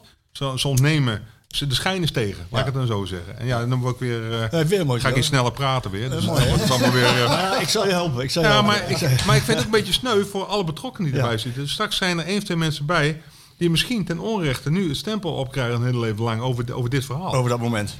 Kijk, en dan Ja. kan je zeggen, eh verliezen is mooi. In dit geval heeft de scheidsrechtscoach verloren. Ik ga zijn vragen als ze het leuk vonden. Ja, nee, Ik denk het niet. niet is een heel lelijk verlies dit. Ja, dat is heel lelijk verlies. Ehm, de, ik wil eens een vraag stellen als voormalig coach, voormalig topcoach. Ehm Roger bleef heel lang hangen in zijn emotie. Snap je dat? Ja, dat begrijp ik. Dat bedoel ik met het relativeren. Hij is elke dag mee bezig. Hij wil winnen. Eh, het, het, het, verschil is, is klein. En dan moet je dus tien minuten na een wedstrijd moet je een persconferentie gaan, gaan doen. En dan moet je even volgens jullie een fatsoenlijk antwoord gaan geven. Nou ja, Dat, deed hij. Ja. Gaf fatsoenlijk antwoorden. Alleen eh, hij, hij, bleef, hij, hij liep weg voor twee camera's en hij bleef wel heel lang in die emotie zitten. Ja, dat is terecht. Ja. Ik bedoel, eh, het kan het verschil zijn tussen 30 miljoen de Champions League halen, nog een leuke week hebben. En, eh, en, en ook, eh, waarschijnlijk heeft hij hetzelfde last als ik van, hij is ook ingenieur, een soort onrechtvaardigheidsgevoel. Dat hij denkt van ja, dit, dit lijkt nergens op. En, eh, ja, en dan ga je nog dingetjes erbij halen die ook dat seizoen be- begonnen zijn. Ik hou niet van complottheorie, daar geloof ik ook niet in. Laat ik even duidelijk over zijn. Maar als je dat allemaal gaat optellen, dan... En zo'n coach is bezig, waar we het net over hadden, met spelletjes winnen en wedstrijden winnen en prijs op je, op je cv zien te krijgen. Ja, dan, dan moet je niet na een kwartier denken van, oh, dit was het, ik ga het weer even nuanceren en ik heb het weer zaken op orde. Nee. Dat kost 24 uur. Ja. En hij zei ook, een, la- een week later, zei hij, eh, toen Ajax kampioen was geworden, zei hij van Ajax heeft, is, heeft verdiend de titel gepakt. En over 34 wedstrijden als je bovenaan staat, dan ben je... Maar dat past dus in het verhaal van geen excuses. Maar hij zei wel, but they have the better requirements. Dat moest je toch nog even achteraan zeggen. J- Jij was erbij toen hij dat zei. Ze hebben wel de beste voorwaarden. Ja. Maar waarom, waarom moet hij dat nou Dat moet je hem vragen. Ja, dat zei hij toen ook, ja. ja.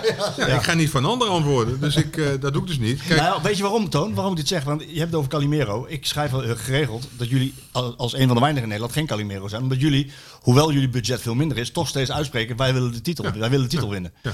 Dus die, die, te- die titel Calimero is eigenlijk niet terecht. Maar, maar Roger heeft er in zijn twee jaar toch wel een beetje aan bijgedragen. Dat hij steeds zei van, they have the bigger budget. It's not a 50-50 race, it's a 80-20 race. Eh, Ja, iedereen geeft zijn eigen mening. Ik, eh, ik, ik ben geen eh, hoe heet het, Russische organisatie, alles, en of Chinese organisatie, alles binnen de perk houdt en vanaf bovenaf alles stuurt. Dit is mooi. Ik bedoel, maar hij mag zijn mening geven. En dan roepen jullie iets van en vinden dat dat niet mag en dat dat op een andere manier moet allemaal. Dat vind ik prima. Dat accepteer ik ook. Dus ik, eh, en ik, ik ben zelf eh, op een gegeven moment eh, coach geweest. Het is niet altijd zo makkelijk. Ik ben ook wel eens ongenuanceerd geweest na een wedstrijd. Of dat er iets gebeurde. Of dat de scheidsrechter de fout in ging met iets. Ja, ja, en dan denk je later, ja, moet ik het dan zo zeggen? Maar ja, toneelspelen is ook een vak. En ik heb liever dat iemand zich voor 100% uit. Dan dat hij gaat denken van, nou, wat zouden ze dan vinden? En de, columns zijn iets genuanceerder. Sport moet je niet nuanceren. moet je niet relativeren. Het is goed of fout. Het is zwart-wit. Het is winst en verlies. En eh, nou, dat komt dan hard aan. ja. Dus juist mooi toch dat er af en toe. Hey, ik vind moet het er ook toch mooi. niet aan denken dat iedereen constant binnen de Nee, lijntjes zeker ook niet. Reacties en dat. zo- Voetbal hoort emotie bij. Het is absoluut. En, eh, en, en dit- maar het wordt, het wordt niet altijd geaccepteerd. Dat zie je dan ook. Nou ja, moet- als je dan een keer als wat roept, te- dan, te lang dan duurt je zo. zeven columnisten en drie praatprogramma's die allemaal roepen van... je moet je ongeveer als een politicus gedragen. Ja. Nou, dat, eh, dat is ook niet. En Nou, ik vind nee. het allemaal prima. En ik, iedereen schrijft maar, ze zet de naam eronder en je praat maar over, over een aantal zaken. Maar ik, ik, heb, ik heb dus meer iets met de mensen die zich dan ook echt verdiepen in die wereld. Of die daar vaker komen. Of een keer een vraag gaan stellen of, eh, enzovoort. Dus, eh, want het is heel makkelijk om mening te geven. Ik, Ja. ik, ik, voor mij hebben we op dit moment ik dacht 70 of 80 analisten. Die Ja. allemaal hun verhaaltje moeten doen. Ja. En die een praat de ander na. En ze kijken allemaal naar dezelfde Ja. programma's. Ja. En het is weinig origineel, kan ik je vertellen. Ja, daar ben ik het wel mee eens. En dat is ook mijn grootste ergernis. Dat ik denk, er worden meningen gevormd op basis van, van, van niks tot weinig. Snap je? Dus ik vind ook inderdaad, als je over spelers of trainers... eh, Dan moet je ook wel echt... Dan moet je daar eigenlijk toch wel een paar keer per week rondlopen, vind ik. En te zien hoe mensen met elkaar werken. Om daar, om met, we gaan af op wat... Of we... Ik zie dan inderdaad journalisten maar dan afgaan moet je, op. dat is goed. Zo, Maar dan moet je tegen Toon zeggen van je, je moet die PSV-cultuur moeten jullie wel bewaren door elke keer die trainingen wat meer open te gooien. Want de afgelopen coronajaren was dat niet en dat is nog, nog te begrijpen. Maar dit keer is er ook maar elke keer maar één training die open is geweest de laatste Ja, maand. maar dat is toch geen argument om, om een mening te zegt- ventileren die nergens op gebaseerd is? Nee, niet door- dat- dat- ik Niet door degene die de club niet volgen zoals ik hem volg. Nee. Nee. Nee, maar je zou toch verlangen dat als jij eh, analist bent en eh, waarschijnlijk gaat er weer een discussie openen. Maar je kan gewoon kennismakingsgesprekken maken. Gewoon even eens een keer een praatje maken. Of met John de Jong of met mij. Ja. Eh, ik- de- voor mij hebben we dat nog nooit geweigerd. Dus nou laten we de Academy nog een keertje zien. Of we gaan eens kijken welke plannen dat er zijn. Of wat, wat gaan we doen. En wat zijn de bestemmingsplannen die daar nu liggen. Waar zijn we allemaal mee bezig. Dus je kan van allerlei dingen bespreken. En, en gewoon ook een normale relatie. Dus so- soms klagen journalisten het feit dat ze geen interview krijgen. Waarvan spelers tegen me zeggen. Ja, ik weet niet wie het is. En nooit gesproken. En eh, dat geldt voor jou natuurlijk niet. Dat geldt voor Erik Elfrink niet. Laten we even duidelijk over zijn hoe het in elkaar steekt. Maar anderen wel. En dan denk je, ja, ja dus, en dat is dan ook altijd het moment dat het eh, of er minder gaat of dat ze hem een keer willen hebben. Spelers klagen er ook over. Waarover? Over het feit dat sommige journalisten niet kennen. Nee. Dat niet eens gewoon even een kop koffie wordt gedronken of een keer even, even langskomen. En dan zouden ze wel zeggen, ja, allemaal oude economie. En ehm, dat hoeft allemaal niet en je moet onafhankelijk blijven enzovoort. Prima. Maar het moet wel gefaciliteerd worden ook, hè? Ja, maar precies. Maar dan een is het geven en nemen een heel klein beetje. Ja, zeker. Maar het is ook wel een dingetje. Waarom? Nou, als ik, eh, ik, ik, ben, eh, ik loop vanaf 1998 mee in deze wereld, dat is langer dan jij. Dus ik heb het nog meer zien veranderen. Eh, ik, ik kon vroeger gewoon bij spelers thuiskomen en anderhalf uur tot twee uur een goed interview. Kreeg je ook een doorvrocht interview en van meerdere pagina's. Die band opbouwen, best lastig geworden. Ik, ik zou je zeggen dat op het moment dat de coronaperiode afgelopen is geweest, had ik had ik willen zien dat de mixzone weer terugkwam. Wat we nu krijgen, is, je bent er zelf elke keer bij geweest, is dat er een, een trainer zit, zit een speler en iedereen heeft dezelfde speler in alle. Terwijl ik misschien wel een hele andere invalshoek heb om met een andere speler te praten. Maar die mogelijkheid is er dus niet meer, omdat de spelers het ook prettig vinden. Ja, maar ja, kijk, daar gaan we dus over professionaliteit praten. Eh, in de Premier League is deze vraag die jij nu stelt ondenkbaar. Ja. Daar, eh, daar moet je komen, daar worden afspraken over gemaakt. Je weet naar welke borden je moet, je weet waar je langs moet lopen. En je weet ook dat bijvoorbeeld bepaalde coaches van kleine clubs gaan niet meer achter de tafel zitten. Dus die gaan in een hoekje staan met de, de, de drie plaatselijke Ja. journalisten. Dat gebeurt de Premier League niet. Nee. Dat is gewoon protocollen, handhaven, duidelijkheid. Iedereen wil zijn toe zijn. Als ze het bij moet stellen, gaan we het bijstellen met elkaar. En dus het, het verwordt ook een beetje. Het is van vrijheid blijheid geworden. En de een doet dit en de ander doet dit. Dus ik, eh, ik ben ook voor professionalisering. En bijvoorbeeld ook de hele hoe heet het, eh, reglementen in dat, dat opzicht. En de licenties aanpassen. Kijk, discussies over... eh, het is niet zo lang geleden dat Marcel Bransen moest aankaarten... dat de velden allemaal dezelfde afmeting hadden in Nederland. Ja. En dat is nog niet zo. Want als je in het Excelsior, klopt. het Excelsior stadion de, de, maximale marges, hebt doet, marges, ja. past niet in. Nee, ja, maar dat scheelt. Ja. Ik heb clubs gehad die dus eh, promoveerden naar de Eredivisie en het veld kleiner maakten. En de, gaan, gingen ze in de Eerste Divisie zitten, maar het veld kleiner, groter. Ja, Ja. dat, is, dat is te gek voor woorden. Je moet als licentie-eis stellen, jij wil betaald voetbal spelen. Dit zijn de afmetingen. Dan denk je dat UEFA dat doet. Die zeggen gewoon, dit zijn de afmetingen, we meten het na. En eh, je moet zelfs de gras eh, maar zo er nog een bepaald manier maaien. Zo wordt het geregeld. Sproeien wordt door de UEFA bepaald. En, en niet meer omdat er een club komt die dan die minder glad veld wil hebben, omdat ze dan van de mat worden gespeeld. Allemaal dat soort zaken. En dat geldt ook voor kunstgras. Ja.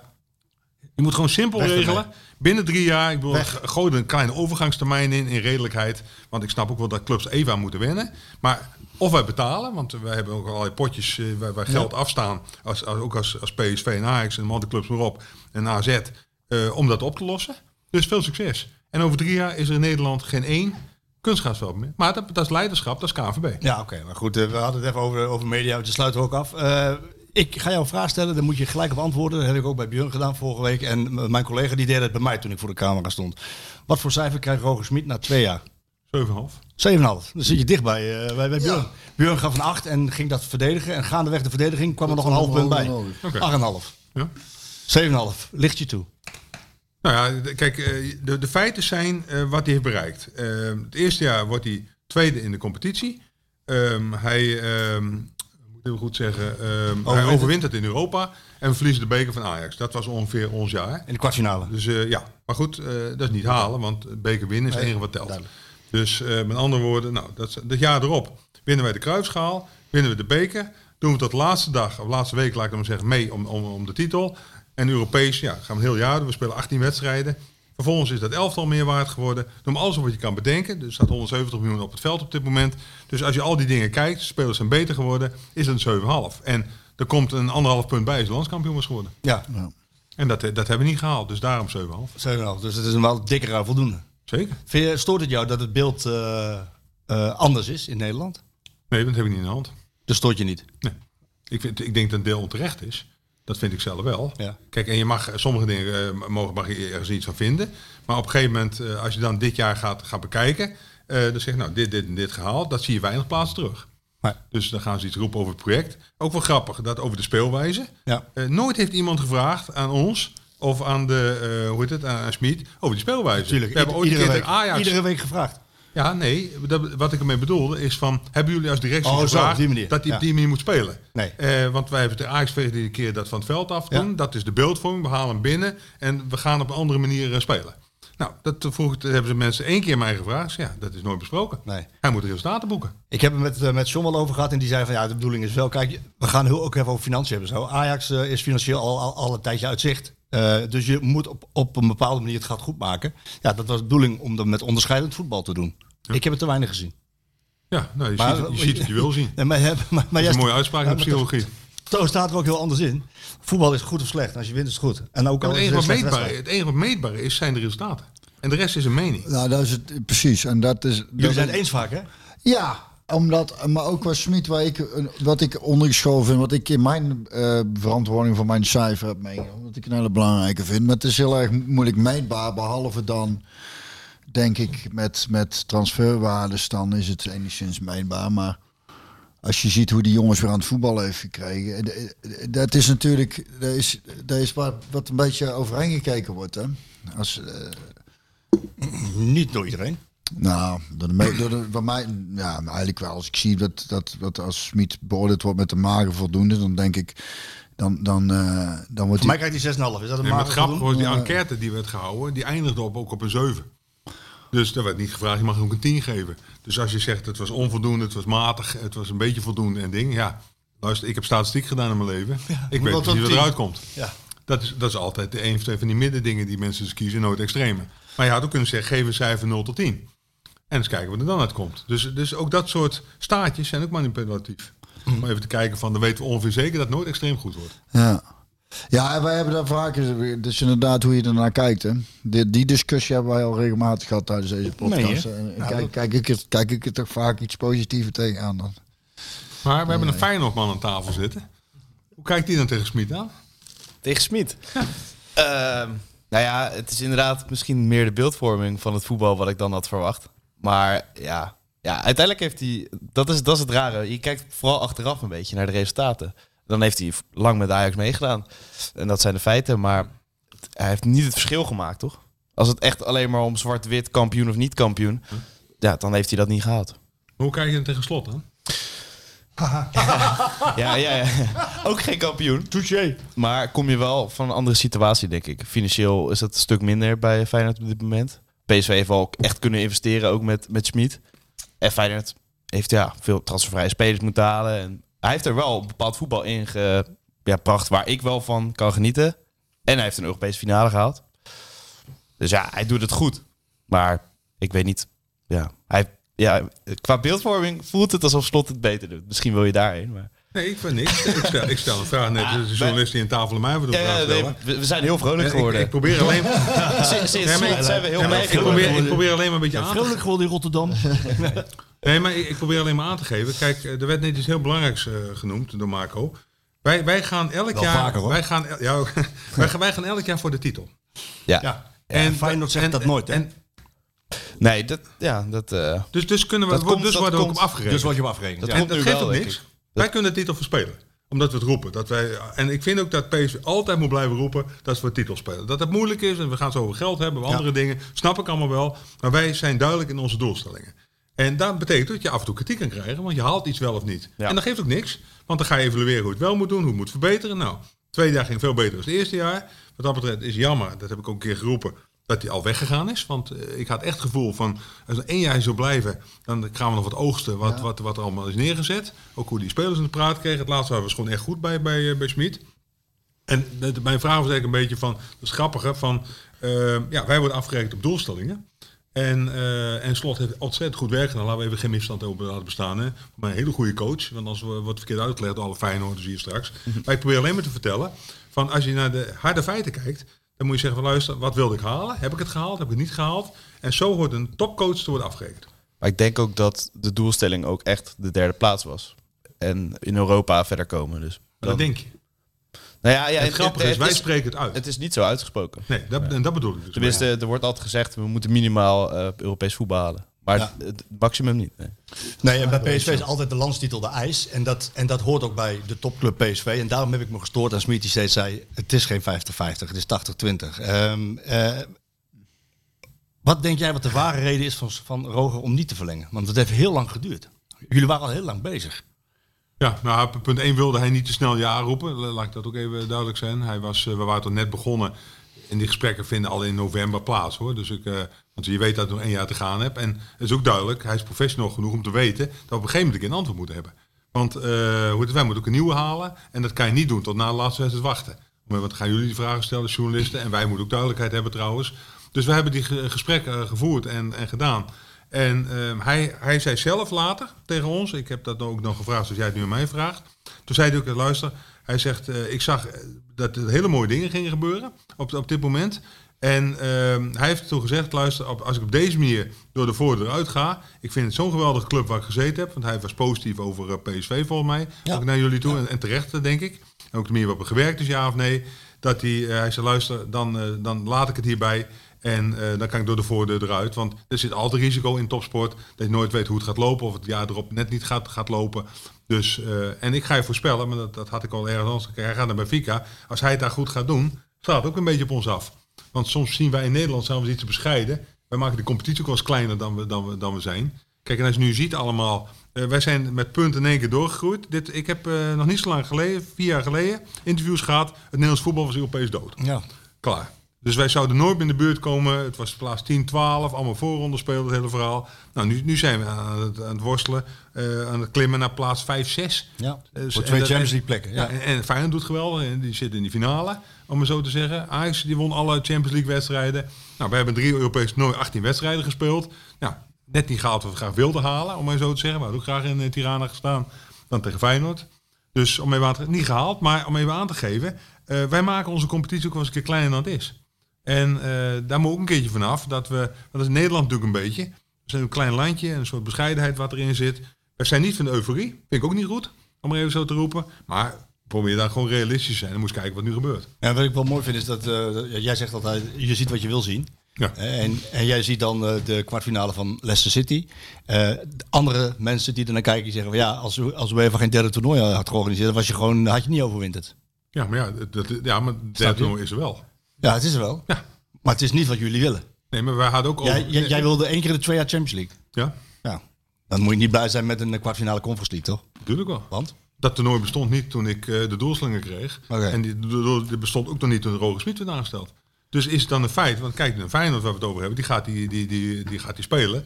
De UEFA heeft onderschat hoe groot het toernooi is achteraf. En wat voor namen daar dus in zitten. En alle vo- volle stadions. En, eh, Ja. dus, dus ik denk dat... Dat eh, is waar. Want Dat het vroeger toernooi... ook gewoon Europa Cup 3. Ja, vroeger had je. Europa League 3. Ja. Zo is het. Maar PSV begroot op Europa League niveau. En PSV wil bij de beste 32 clubs van Nederland horen. Kan dat nog? Ja, nou, ik, ik heb dat toen de tijd geroepen, omdat toen de tijd er een systeem was dat als je niet bij de eerste 32 zat in Europa, eh ze wil die Champions League wat gaan vastzetten met eh, vaste Ja, ploegen. ja. En dat is, we- dat is niet meer. Nee. Dus de 32 is niet zo interessant. Wij moeten gewoon één keer in de twee jaar de, de groepsfase Champions League. Jij moet Björn even geruststellen als je wilt, Toon. Ik ga weer wat voorlezen. Björn die, eh, die heeft... eh, Daar heb ik in- al mee gezegd. Nou ja, we hebben het in onze podcast ook wel geregeld over financiële verschillen tussen, tussen PSV en, eh, en Ajax. Mijn collega Tom Knipping, die ook bij jouw interview aanwezig was, die is heel goed ingevoerd fin- financieel. Dat is onze Wiskit op dat vlak. En die heeft eigenlijk uitgerekend dat Ajax sinds 2018 gemiddeld 41 miljoen euro per seizoen meer aan UEFA-premies heeft gekregen dan eh, PSV. In vier jaar is het eh, verzevenvoudigd, hun bedrag. En ze hebben liefst 232 miljoen euro binnengehaald aan Europese gelden alleen. Hè? Dus startgelden, eh, premies, coëfficiëntenbonus en marketpool. En PSV zette daar slechts 67 miljoen tegenover. Dat is een gapend gat van je welste. Waarom, waarom maakt dat toch niet uit dan? Nou, punt 1 zijn het alleen inkomsten. Dan moet je ook even kijken wat ze eh, hebben uitgegeven. Personeelskosten, ja. Is Flink gestegen, ja. Dat wil ik zeggen. En alle premies die moeten we betaald. En Ja. alles wat je kan doen. Dus dit getal op zich zegt niks. Nee. Dus, eh, dus je moet inderdaad eh, de, de, dan en de inkomsten en de uitgaven naar elkaar zetten. En als je dus grote risico's neemt, doordat je hele grote transfers binnenhaalt en mega salarissen betaalt in het hele verhaal. Dat, PSV heeft natuurlijk ooit een keer meegemaakt dat dat ook uit de klauw is gelopen. Ja. En eh, toen moesten de gronddeals worden gesloten, dat was allemaal vlak voor mijn tijd. Maar ja, toen konden ze op een gegeven moment kwamen ze financieel in de problemen. Dus met andere woorden, van, eh, je moet dus erg goed kijken. Elke keer moet halen. Ja. Anders begin je wat risico te lopen. Maar ja, ik heb daar een feit van gemaakt. Ik heb eens even nagekeken. Vanaf het moment dat de beursgang begonnen is bij Ajax, was, was, kon PSV niet meer inhalen. Nee. Nou, dat was een feit. Ja. Ondanks, desondanks ehm, waren wij nog de ploeg die we in deze eeuw nog steeds ongeveer de meeste titels haalden. Ja. En eh, dat had, toen hadden we ook al die financiële problemen. al. Dus je moet een andere manier doen. Ja. ja, goed. Je hebt wel eens eh, eh, ook wel eens laten vallen in die tijd van ja, het Bayern München scenario eh, voor Ajax in Nederland zou wel eens een nachtmerrie kunnen zijn, maar dat is ook niet zo, hè? Nee, ik heb, eh, kijk, we hebben nu, nu ervaren van welke kant gaat het op. luisteren, Ja, ik ben... eh, Een en al oren, jij. Ja. Ik hang aan je lippen. Ja. Nee, maar kijk, er, zijn- er zijn twee dingen over, over, te melden. Ehm eh, John Jong zette me op het spoor, en ik heb dat ook even gecheckt en gedaan, dat Bayern München model kan werken in grote competities. In Premier Leagues en in, eh, in Duitsland van Bundesliga, om even bij de kop te pakken. Want daar, daar moet je elke wedstrijd vol erin om een wedstrijd te gaan winnen. In Nederland winnen wij, als je in de top het goed organiseert, eh, of het nou voor alle drie topclubs geldt, win je altijd wel 15 tot 20 wedstrijden. Dus met andere woorden, het gat kan nooit zo groot worden als dat in Bayern München is. En daar komt bij dat eh wat Bayern deed, die ging naar zijn grootste concurrent toe. En die haalde daar de spelers vandaan. Dus even de manier van denken, zouden ze dus nu Sangre en Gakpo moeten ophalen, aftikken en bij Ajax neer gaan zetten. Om PSV wat, wat, wat minder sterk te maken. En zelf sterker te worden. En zelf sterker te worden. Nou, PSV in de jaren 80 deed, zeg maar. Ja. nou, en, Maar dat gaat niet- eh, dat gaat niet nee, gebeuren, want nee, zoek een antwoord. Dus met andere woorden. Hoor ik nu dat als Ajax 60 miljoen wil betalen voor Gakpo, dat jullie dat nog niet, nog niet doen? ik, dat denk ik ja. Dat denk ik of weet zeker? Ja, dat denk ik, ik weet wel zeker. Ja. Want dan zit hij voor 60 miljoen in de markt. 70 miljoen? Ja, kijk, dat zijn van die vragen van... eh, trouwens, punt 1 ga ik er niet meer over. 120.000 miljoen. Nee, maar, maar punt 1 ga ik er niet meer over. Maar punt 2, als dat de marktwerking is, dan komen er andere clubs. Want eh, daar zit ook een koppeling aan, aan wat, wat zo'n speler gaat verdienen. Mhm. Dus met andere woorden, van, eh, kan, kan een club als Ajax dan zoveel betalen dat ze kunnen mee concurreren met grote Premier League clubs of Bayern München, die ook, misschien ook een belangstelling heeft voor zo'n speler. Dus ja, op een gegeven moment houdt dat op. En, en nogmaals, waar wij de vrije keuze hebben, is nee ook een antwoord.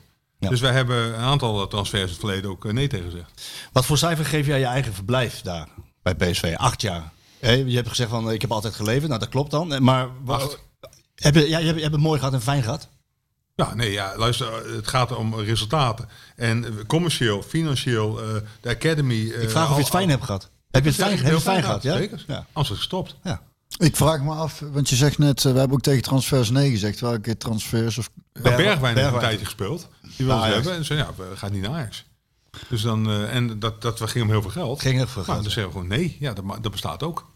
Ja. Dus ik... eh, Je, hebt, je, geeft het een acht, dat betekent dat je het heel fijn hebt gehad. Ik wil toch nog, want het hoort, ook, hoort daar ook bij, toch wat dieptepunten eh, benoemen. Hè, die, die, die toch niet leuk zijn geweest voor jou ook. Voor, de- grappig, hè? Dan gaan ze...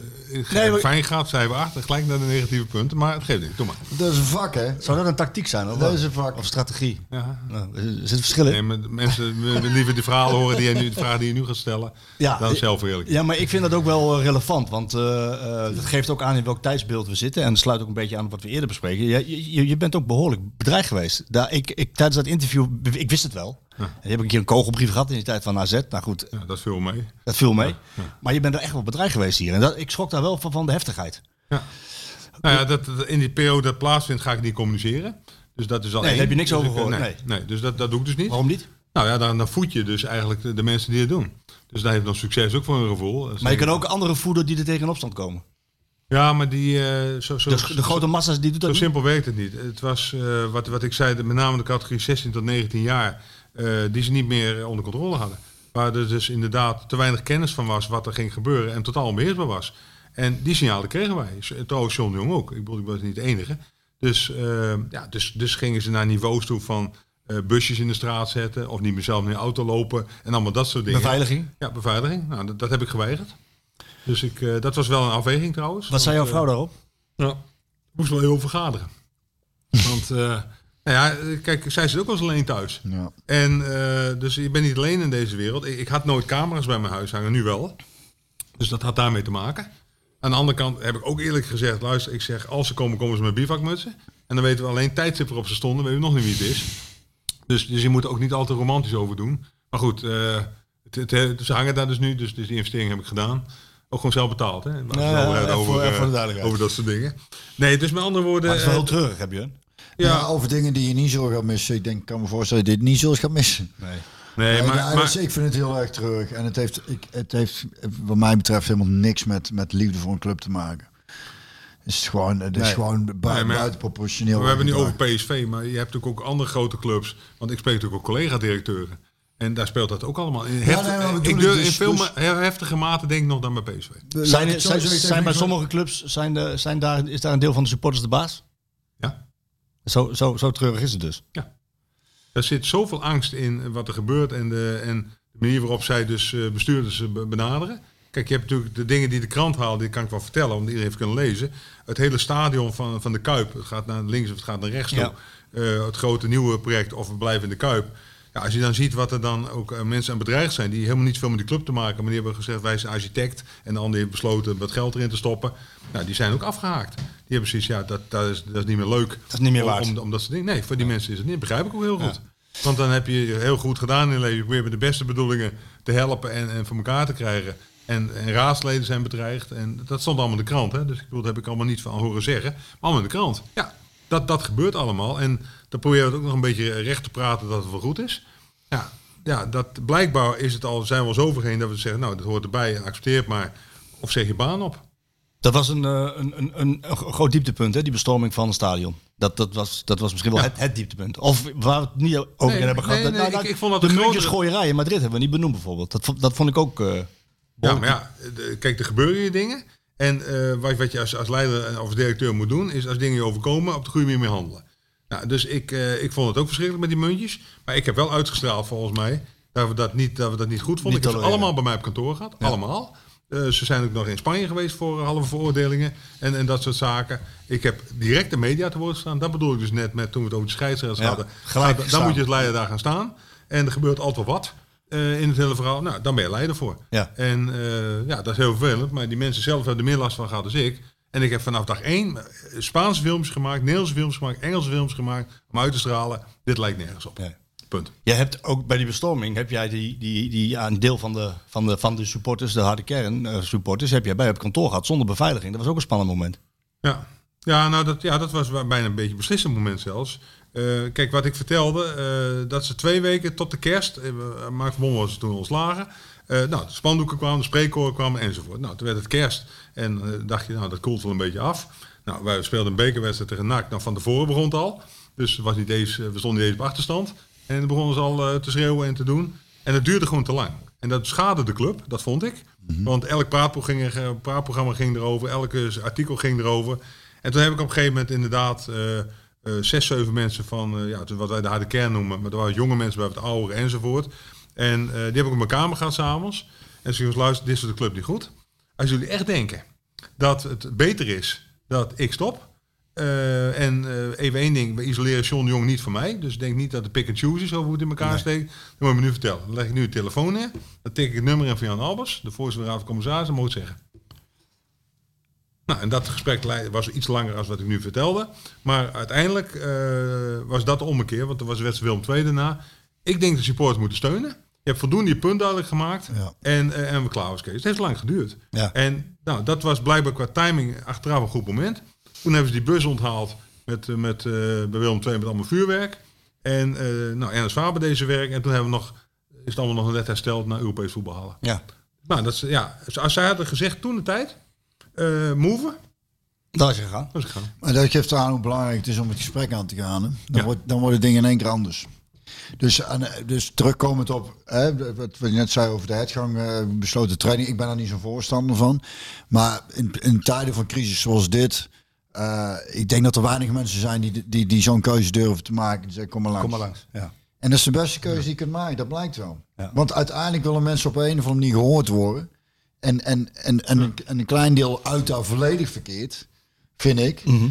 Maar nodig ze maar uit. En, en, en, kom, en, en inderdaad, zeg het maar. En dan zie je toch hoe belangrijk dus communicatie is. Dus gewoon met elkaar aan tafel zitten, met elkaar in de ogen kijken, met elkaar het gesprek aan te gaan. En ik moet eerlijk zeggen, bij PSV is dat ook nog eh, iets dat we moeten koesteren. Want ook als wij de seizoenkaarten moeten, moeten verlengen en we vragen compensatie, gaan we ook met supporters zitten. Ik denk eens even mee. Hoe doen we dit? Hoe kunnen we dat slim doen? Dan helpen ze ons zelfs. Of een keer de verwarming die eruit moet uit het stadion. Dan gaan we gewoon met ze zitten. Zeggen, luister, vervelend, maar eh, we kunnen geen nieuw meer. Gas gaat er toch uit. Eh, hoe doen we dat? Nou, als je niks communiceert, krijg je rellen. Of dan gaan alle mensen weer vragen. Die, die gasverwarming is, is één mail over binnengekomen. Eén. Omdat we het goed gecommuniceerd hadden. En maar ook gewoon met supporters We hebben van al die verschillende tribunes hebben een soort klankbordgroep. En die doet echt goed werk. En die mogen kritiek uit, hè? Op ons en op de organisatie of over dingen die niet kloppen. Maar die communicatie, eh, als je die verspeelt, dan krijgen we wat bij heel veel andere clubs gaat gebeuren. Ja, en dan, dan is het wij tegen zij. Ja. En dan wordt het echt eh, Ja. niet meer te handelen. Ja, dat is goed gezegd, want daar is wat k- clubs en supporters. Het is, het, het is één geheel. Het moet één geheel zijn wat eh, het beste voor die club wil. Snap je? En daar zie je dus vaak gebeuren. Dat dus binnen een club, supporters of bestuur, of, dat ze tegenover elkaar komen te staan. En daarvoor vind ik eh, met name die communicatie met supporters zo belangrijk. Dit, dit, ge- geef ze, eh, ik, ik heb dat wel eens vaak. Ga, ga er even mee buurten. En, en emotie die, die, die kan al zakken. Dan kunnen ze in ieder geval later horen van hoe ergens over denken. Ja, Wat en een goed recht ook is. Ja, nog één ding over die besloten open training. Ehm, ik vind dat af en toe de training open moeten zijn. Maar ik begrijp de coach ook wel een keer. Dat hij zegt, luister, eh, als we twee dagen in de week open zijn... Of, Ja, dat is- twee dagen is al, is al een verdubbeling van wat nu is. Dus ja, dat oké. Maar goed, ik weet niet hoe Ruud het gaat doen. Dan Maar moet ik, hij zelf maar ook ik denk, hè, ik denk, volgens mij, hoe minder interessant je het maakt op dat vlak, hoe minder last je ervan hebt. Want omdat we nu zeggen, we doen maar één training, wordt het echt een, een kunst om, er- om, om erbij te zijn. Als je eigenlijk, eh, Matthäus zegt, als je denkt, ja, ik ken er eigenlijk iedere dag naartoe. Ja. Nou, dan, dan, we gaan morgen wel, snap je? Ik denk dat, dat je juist wat wind weghaalt door te zeggen, we gooien het wel opener. Maar dan, maakt kom ik, minder maar, maar dan kom ik even bij, bij de coach en de spelersgroep. Dat moet ook een beetje een veilige omgeving zijn. Daar, jij weet zelf, er er wordt wel eens een keer wat over de boarding geschopt. Er is wel eens een keer een conflict enzovoort. Ja, en tegenwoordig is dan alles eh, in, die, in die 70 analisten die er iets van vinden. Twitter, Dus- meteen op. Twitter, Alles, social media, direct. Dus alles. met andere woorden Instagram. van eh, iemand die geblesseerd raakt of die dingen gebeuren. Dus op een gegeven moment heeft de coach ook wel eens een keer behoefte om gewoon iets te kunnen uitleggen. En wij Ja, hebben... tactische trainingen vlak voor een wedstrijd vind ik heel normaal dat dat, eh, dat, dat eh, gewoon besloten Nee, kijk, je, maar de rest... als je straks zo'n dubbel een programma weer draait. Er zit een beetje kramp op. Heb het, heb het- ja, maar wij zijn degene die nog doen. Ja, Want al die andere clubs doen het helemaal niet meer. Nou, ook bij sommige clubs is het helemaal geen probleem. Is alles gewoon open. Ja, de kleintjes. De kleintjes. Maar niet de grote. Nee, de grote Maar. Ajax Feyenoord is ook allemaal wel complex. ben ik mee. Komt er geen hond op af, Marco? Is. Nobody gives a fuck. Is wel open. Ja, maar dat zijn natuurlijk niet de grote onderwerpen. De grote clubs waar we het nu over hebben, die regelt 90% van de media-aandacht. We hadden het over communicatie, wat heel belangrijk is. Eh, je hebt weer gezeten met Mark van Bommel. Dat, dat, dat was wel een eh, goed gesprek, hè? Zeker. De lucht, de lucht is geklaard wat dat betreft. hè? Ja, dat ging via Robert van der Wallen. En toen hebben we gezegd, luister, na een bepaalde tijd eh, laten we gewoon gaan zitten. Kijken wat er nog bij hem eh, bleef hangen, wat er bij mij bleef hangen. Ik ja, had er wel bij willen zijn. Ja, dat Ja, geloof ik wel, ja. ja. Gewoon te kijken. ja. Niks te zeggen. Maar, ik ken Mark. Ja. En ik ken jou. Ja. Dat heeft even gebotst. Nee, dat viel mee. Ja. Het is, nee, de punten, eh, laat ik het zo zeggen, er was geen zware emotie. Dus laat ik daar even duidelijk over zijn. Eh, maar hij had een aantal punten waarvan hij vond eh, wat wij als directie misschien anders hadden kunnen doen. Of we meer geduld moeten hebben, of weet ik het allemaal niet. En wij hadden ook een aantal punten waar wij erover dachten. Die zijn er besproken. Kijk, als jij Mark van Bommel mij kent, dan wordt het allebei gewoon op tafel gelegd. Daar heb je het met elkaar over. En dan is het ook een soort, ja, moet ik zeggen, bijna fair play. Dan is het ook klaar. En eh dan geven we elkaar de hand. En dan hoeven we elkaar nog niet eens zijn, maar dan heb je het wel met elkaar besproken. ja. En ik vroeg jou toen van, is het, eh, heb je daarin zelf fouten gemaakt? Je was daar heel, heel resoluut in. Nee. Nee. Ik vond dat wel een beetje gek. Nee, want ik legde uit in dat interview hoe ik er tegenaan kijk tegen fouten maken. Omdat ik, eh, je denkt erover na, je bent heel zorgvuldig met een aantal zaken en dan neem je een beslissing. En soms pakt de beslissing anders uit dan gedacht. Want dat is eh, niet 100% raak, om maar zo te zeggen. Maar het is geen impulsieve beslissing. We hebben heel lang gewacht. We hebben 12 wedstrijden, hebben we twee overwinningen. Nou, dat is PSV niet waardig, om er eventjes wat, wat te roepen. Nog een keer geprobeerd, nog een keer geprobeerd, nog een keer geprobeerd. En op een gegeven moment houdt het op. En eh, dan kijk ik in de spiegel, heb ik alles aan gedaan? Ja. Nou, dan komt Mark van Bommel binnen en John de Jong zit erbij. En dan moeten we het met hem over hebben. En dan stoppen we ermee. Ja. En eh that's it. Oké. Jij stopt er ook mee. Dat was ook een mooi, een ap- apart, bijzonder moment hoe dat is gegaan. Ja. Ik heb je daarmee gecomplimenteerd, hoe je dat eh, gedaan hebt. Want je, de, bes- de beslissing kwam eigenlijk. Marcel kwam vrij, ze hebben Marcel gevraagd. En, en jij zei meteen, doen. Eh, we gaan een kop koffie drinken, het is klaar. Dat, dat vond ik wel... Dat eh, de korte versie, maar in, jouw, versie. maar in jouw artikel, ik zal een cliffhangertje maken Cliffhanger. voor alle VI-lezers. Daar staat het hele verhaaltje in. staat het hele verhaal in. Over hoe het, hoe het in elkaar steekt. Maar in, in essentie klopt het verhaal wat je zegt. Dus met andere ben woorden van, ze waren niet op zoek naar een nieuwe directeur, zeg ik, bij PSV. Maar toen ze een kans voordeed, eh, ja, ik, ik, word, eh, ik ben nu 64. En als ze dan een kans voordoet om de komende jaren dat gedeelte met voetbal weer toe te voegen. Ik heb negen jaar Marcel gewerkt. Toen dacht ik, nou oké, eh, als ik de raad van commissaris zijn, zou ik dat onderzoeken. En dan wist je nog niet hoe het zou vallen. Maar ik wilde het wel klein houden, dat is gelukt. En ook voor naar personeel. dus een van de weinige dingen die niet uitgelekt is bij PSV. Dus dat, eh, maar dan ik zelf een beetje de regie over. Bijna. Niet helemaal. Eén minuut. Eén minuut voor tijd. Die credits moet je hem geven. Jawel, dat was Rick Elfrink. Rick Elfrink, zijn naam is genoemd. Maar het grappige is dan ook dat eh, de, we- de wereld die dat dan doorgeeft, wordt dan voor Rick ook klein. Wordt klein, ja. Want eh, wij hadden namelijk een aantal mensen van grote bedrijven. Dus van de Brainport sponsoring. Ja, heb ik de. CEO's heb ik ingelicht. Ik denk, doe een kwartiertje voor tijd. ja. En dan weet je ook van En, en, ongeveer... en, en, en na 14 minuten kwam er dan toch één minuut voor tijd. maar hij wist niet precies wat er ging nee, gebeuren. dat wist je niet precies. Dus hij, eh, hij dacht wel dat er iets was, maar niet precies hoe het in elkaar steekt. Dus dat had hij wel, maar hij wist niet precies de inhoud. Nee, nou ja, goed. eh, Het is het siertje dat je meteen direct plaatst. Maar ik kreeg daar ook vragen over. We gaan straks even wat vragen beantwoorden. Het zijn echt wel veel. eh, Ik zal even selectief moeten zijn. Volgens mij hebben we ook al heel veel behandeld hoor. Maar waarom, waarom is Marcel Brands een betere algemeen directeur dan Toon Gerbrands? Die vraag kreeg ik. Nou, dat is heel simpel. Elke club heeft bepaalde fasen waarin hij zich ontwikkelt. En ik roep altijd, je moet er weg zijn naar next level, dus een hoger next level.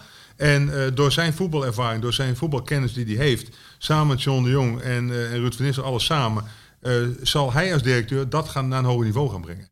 Kijk, Tini Sanders was een hele sterke financiële man. Dus qua financiën was het toen ook nodig om dat op orde te brengen. Dat zie je dan ook alles wat er gebeurde. Nou, bij mij heb je dan iets meer de coach, de topsport en de leiderschap binnen. En bij Marcel haal je het hele voetbalnetwerk binnen. En dat samen met John Jong, en die hebben ook al eh, samengewerkt. Ja, dat is voor de volgende fase van deze club belangrijk. En, en, nogmaals, en nogmaals, hij heeft heel veel ervaring. Ook als algemeen directeur, vijf jaar bij RKC. Dan kan je ja, dat is alleen maar vijf jaar. Maar hij heeft commercie gedaan, heeft financiën. Hij is veel beter in financiën dan ik, om even te roepen. Dus met andere woorden, daar heeft PSV een gouden greep mee gedaan.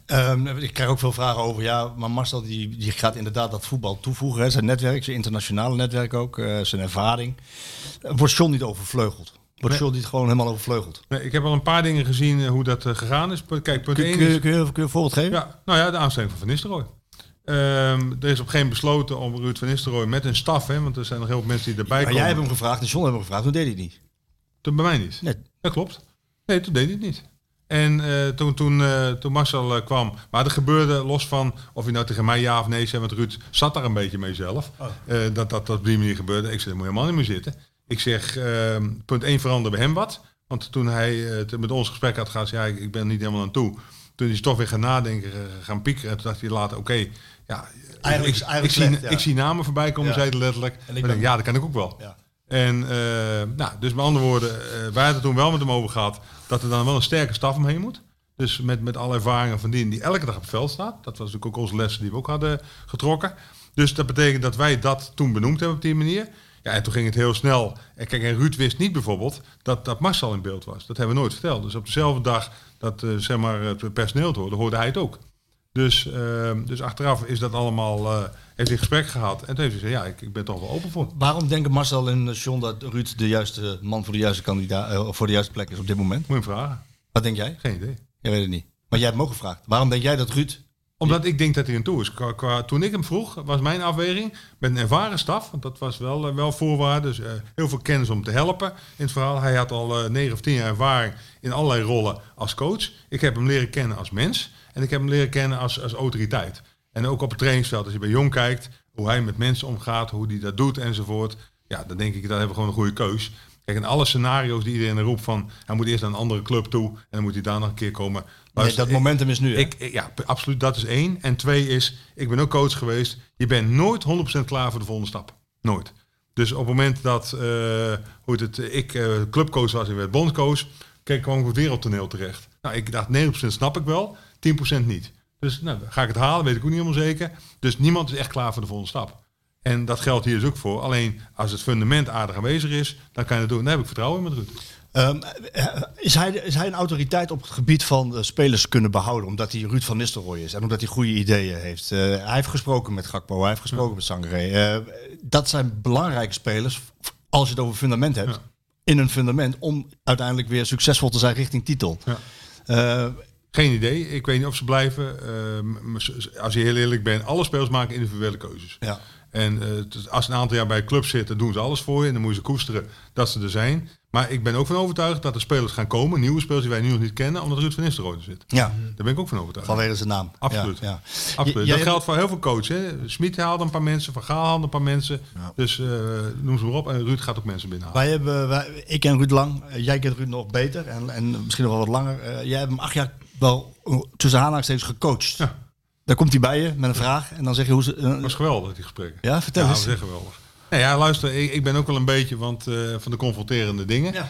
Ik bedoel, de, de, technicus komt iets te laat binnen en dan gaan we het gelijk over op tijd hebben, hebben. Ik heb het over zijn carrière gehad, dus voor luisteraars ook wel leuk om straks even te horen wat je wil. Hè? Wordt meteen op scherp gezet, hè? Dat merk je. Ik dacht, al, ah, dit Nou, het, het effect is, dat, dat weet ik hoe dat werkt. En Mark heeft er ook wat ervaringen mee. Ik benoem het nu een keer. En volgende keer denk je toch na. Dat je denkt, nou, ik ging ook nou, nadenken. ik ga mijn kwartiertje eerder, want anders begint het weer te Ja, zeuren. dat- Maar wat is jouw ambitie?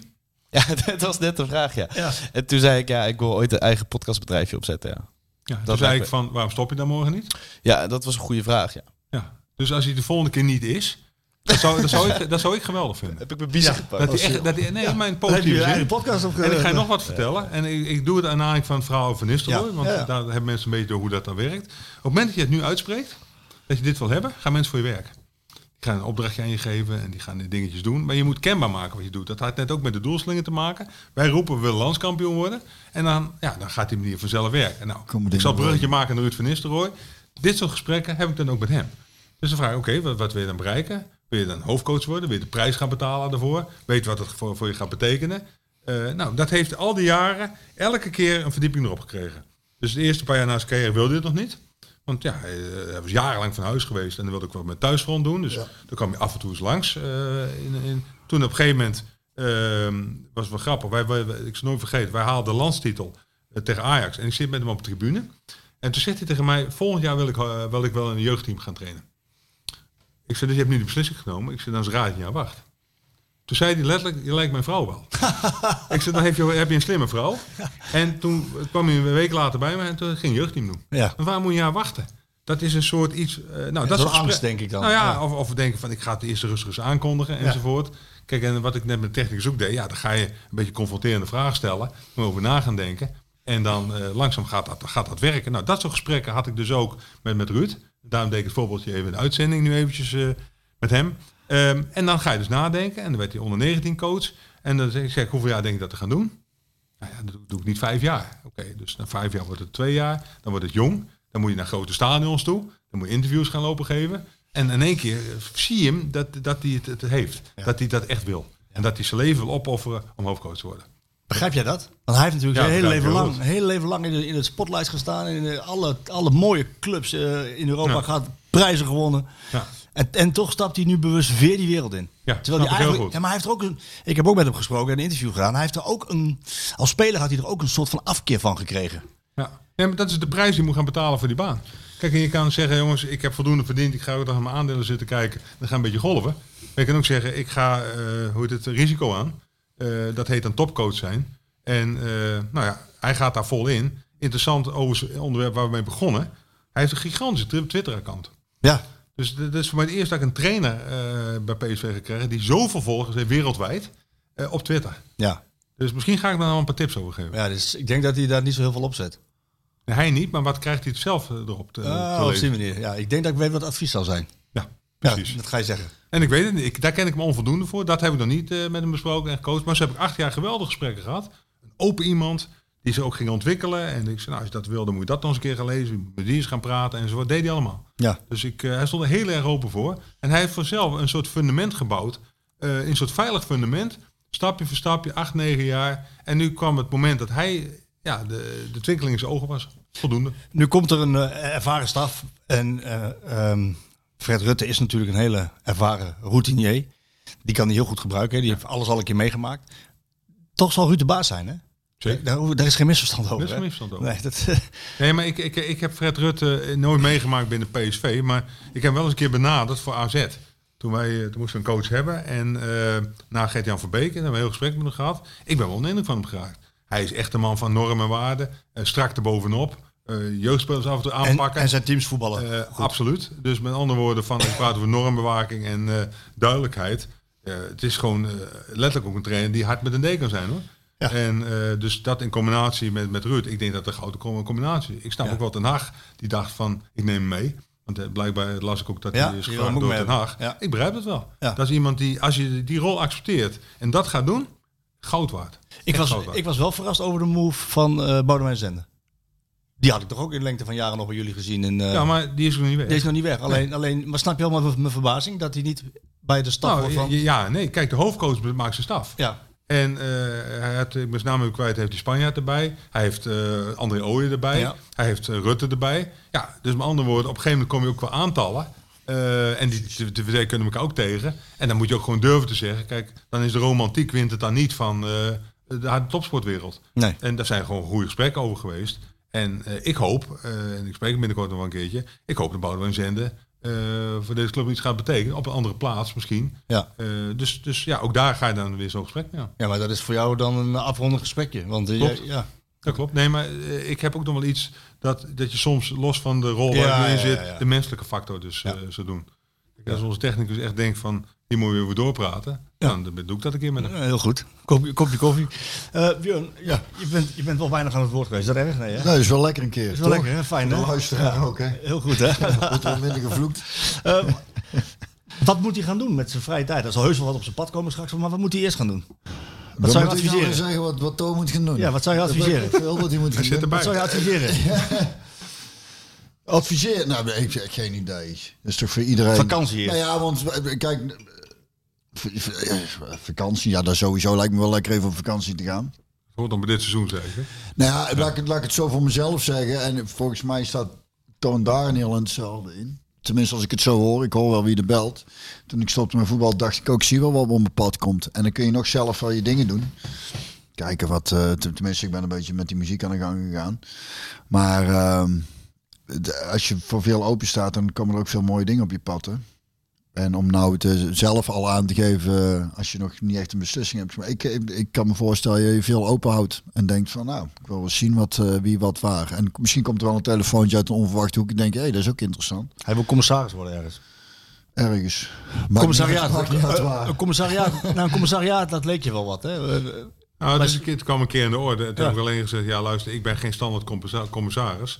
Eh, ik snap wel dat eh, in bepaalde rollen, en dat, dat zie je ook vandaag bij je tafel gebeuren, eh, dat ik zeg, luister, eh, een beroepscommissaris ben ik niet. Als je me voor financiën moet hebben, moet ik niet hebben. Voor governance ook allemaal niet. Maar als je praat over groepprocessen, klopt allemaal nog een beetje, zaken op scherp zetten. Ja, dan. Dat zal wel een rol zijn die ik kon, eh, Ja. kan, kan uitvoeren. Ben jij wel eens in Canada geweest?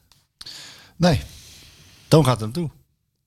Je gaat eerst op vakantie in Canada, hè? een soort Route 66. eh, ja, ja, dus ik, eh, ik had ooit Amerika gedaan. ja. De Ik, ik 66. was ook zo dat ik alle dingen van mijn bucketlist eigenlijk aan het afvinken was. Want er moet niks op blijven staan. Sommige mensen gaan pas op pensioen alle dingen af ja, dat doen. Dat is zonde van je tijd. Ja. Althans, vind ik. Ja. Dus toen dacht ik, nou, dan gaan we zo Route 66 de kant. Die bestaat natuurlijk niet. Maar je kan wel van de een naar de andere kant. En ja, dan doe ik het op een veilige manier. Iemand boekt een vliegtuig voor mij. Een auto staat klaar. Dus zo avontuurlijk is het ook niet. En de hotels zijn geboekt. Dus ik hoef alleen van A naar B te rijden. Dus dat is mijn... eh, want ik heb ook geen zin om eh, onderweg vakan- eh, hotels te moeten boeken. Dus een soort luiheid. Ja. Ja. Dus ik, eh, dit- Ons Elde heeft vroeger, eh, zijn die ooit met de camper rondgetrokken door Canada. Dat schijnt echt prachtig te zijn. En er is een legendarische documentaire over, eh de, weet je ook alweer, eh Rock and Roll Train of... eh, ik, weet niet, ik weet niet meer precies, maar dan gingen ze met een trein. Hadden ze alle, alle muzikanten, Janis Joplin, de band, eh The Grateful Dead, die hadden ze allemaal in een trein gepropt. Met z'n allen. En in eerste instantie zou, zou die trein dan van west naar oost eh, gaan. Want die manager had gezegd, nee, nee, nee, nee. Van oost naar west moet hij. Dat was sowieso heel erg belangrijk. En dan stapten ze hier en daar uit om dan, om dan eh, spelen. te gaan spelen. Maar dat was eh, natuurlijk eind jaren 60 hippie tijd. Dus die hippies die vert- vertikten het om ergens voor te betalen. Die wilden alles voor niks hebben. Dus dat, is niet voor niks dat heel die beweging is mislukt destijds. Maar die documentaire is geweldig. Je hebt beelden staan ook op YouTube dat, dat de Janis Joplin zit dan met, met eh, Rick Denker van de band. Die liggen er natuurlijk helemaal vanaf. En iemand zit ik te vertellen, ja...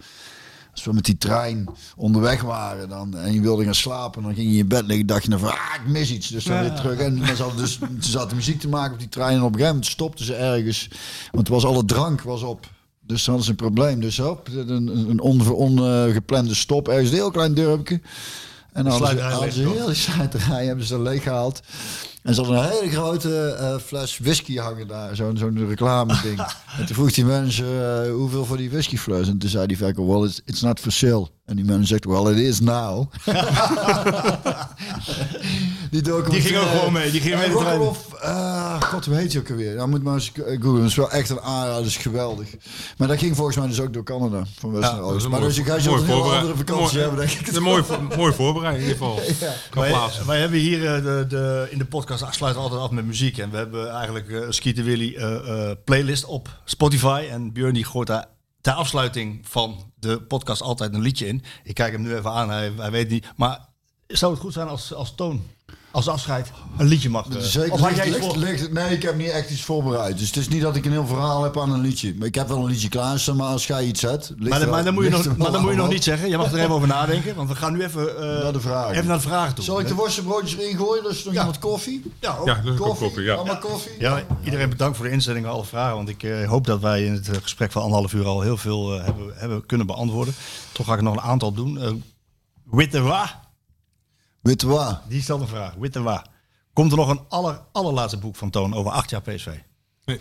Waarom, en waarom- en waarom Nou, eigenlijk? punt 1 heb ik geroepen dat ik ermee stop met die boeken schrijven. Dus eh, en als je mij kent, als ik dat roep, doe ik het ook niet meer. Nee. En eh, twee is van, eh, ik weet niet wat voor onderwerp ze willen. De meeste mensen willen graag Nou, weten. over acht jaar PSV. Ja, ja, ja, nee, dat is niet zo'n interessant boek. Nee? Hoezo niet? Nou, ja, kijk, de verhalen uit de binnenwereld komen er toch niet in. Nee, maar dat doe je niet, hè? Nee, dat doe ik niet. Ik bedoel, ik heb twintig jaar van alles beleefd. De meest mooie dingen, maar ook eh, dingen die mensen heel graag zouden willen weten. Ja, dat is mijn manier hoe ik tegen een voerbedrijf aan kijk. Ik ben de binnenwereld, die moet veilig zijn. En dan niet na afloop eh, in een boek gaan schrijven wat ik beleefd heb met Van Gaal of met advocaat of met Verbeek. Of, dat, dat zou ik nooit doen. Nee, in, in interviews heb je wel eens wat van die dingen toch wel een tipje van de sluier opgelicht. Maar dan hou Nou, je niet echt. Nou ja, hoe je met Van Eh, bijvoorbeeld hebt bent omgegaan. Dat, is, dat heb je wel. Ja, dat, ja, dat, soort dingen. uitgelegd. Ja, dat klopt. Maar dat was ook openbaar, want je kon met de Chinezen zitten Nee, met en- hem. Dus ik, eh, ja. By the way, jij, hebt, eh, jij hebt ook het ultieme boek al geschreven, hè? Ik bedoel, je, je hebt een boek, ja, ja, jouw laatste boek. Je hebt een boek geschreven dat alle andere boeken overbodig maakt, eigenlijk. Daarom, maar dat heet je zelf ontwikkelen ook. Als je dus, eh, Soms is alle- al soms is alles wel gezien. eens waar. Ja, dat klopt. Dat is een aanrader voor iedereen die iets met eh, leiderschap management wil. Dus ik, eh, en dan, dan alle ervaring zet ik daar dan in. Want als het eerste boek het beste is, heb ik mezelf niet ontwikkeld. Dus als het goed is, elk boek het laatste boek het beste. Wesselinho vraagt, ik ben benieuwd hoe hij het verhaal Iataren beleefd heeft. En wat ze binnen de club allemaal geprobeerd hebben om zijn hoofd weer bij PSV in voetbal te krijgen. Alles. Je- Alles aan, alles aan gedaan. Eh, met hem persoonlijk. eh, hij gaf laatst ook in een interview aan dat hij John de Jong en Toon hebben alles aan gedaan om het voor mij op het goede spoor te krijgen. Niet gelukt. Hij gaf wel Smit een tik in, die, in dat interview. Ja, dat moet je hem vragen. Ja. Ik, eh, ik ga niet verklaren over Maar jij, andere nou, dagen. maar jij weet wat Smit allemaal gedaan heeft, toch? Ja, ook. Die, heeft, die is heel diep gegaan. Heel veel geduld gehad. Veel gesprekken gehad. En op een gegeven moment ja, is het niet anders. Ehm, ik kan daar op alle manieren eraan kijken. Ik gun die jongen echt het beste. Ik hoop dat het allemaal gaat, gaat lukken. Het is ons niet gelukt. En eh, als het via een andere route wel gaat, mooi voor hem. En daar hebben we ook geen rare ideeën over. Of afgunst of dat soort dingen. Ik hoop het echt goed. Tigo vraagt, heeft Toon het idee dat zijn werk steeds lastiger werd? Na een aantal landskampioenschappen volgde duidelijk een mindere periode en steeds meer kritiek op de aanpak binnen PSV. Hoe heb jij dat ervaren? Nee, ik, ik niet. Eh, de, de, de aanpak en de manier waarop ik werkte is, hetzelfde gebleven. Alleen ja, eh, kijk, het is altijd heel grappig. Op het moment dat, eh, ik zeg altijd, jonge jongens tussen de 18 en 23 die bal erin schieten, we halen een titel, vinden ze mij een goede directeur. En terwijl misschien alles per- perfect functioneert, maar die bal schiet er niet in, daar word je op afgerekend. En dat begrijp ik heel goed in onze wereld, want ik ben zelf degene die het hardst daar Ja. met meedoet. Dus dat begrijp ik ook allemaal, maar het heeft niks met aan te pak te maken. Wij waren, een andere club was beter. En eh, wij hebben het gat verkleind. En nu is het onze kunst om er overheen te wippen weer. Gaat het lukken? Ja. Ja, hè? Wanneer? Geen idee, want ik ga niet de coach belasten die nu zit. Dus ik, ze hebben toen mij gevraagd, één keer twee jaar moet je proberen die, die, die, Champions League te halen. Ik, ik weet niet wat de raadcommissaris met Ruud heeft afgesproken, moet ik keer vragen. Waarom is de Beneliga niet van de grond gekomen? Wil Rescue Ranger weten. Bouwt Toon hiervan? Nee, Waarom niet? ik, ik, heb er, eh, ik heb er nooit echt in, in, in geloofd in dat, eh, dat verhaal. Ehm, het is zo dat de verschillen tussen België en Nederland zijn ontzettend groot. Ook alleen in het belastingklimaat kijken wat er kan. Wij moeten spelers via een soort EU-norm halen. En dat betekent dat je al gauw eh, drie, vier ton kwijt bent. In België kan je ook buitenlands ophalen voor 60.000 euro. Om wat, wat te roepen. Dat kan Nederland niet. Dus, nou, en als de accommodatie, wij zijn vele malen verder dan, dan de Belgen. De Belgen hebben er belang bij dat gebeurt. Wij niet. En dan moet je ook nog af- afvragen, waar word je dan kampioen van? Van een Benelink, we- gaan we dan ook met de kar door de stad heen?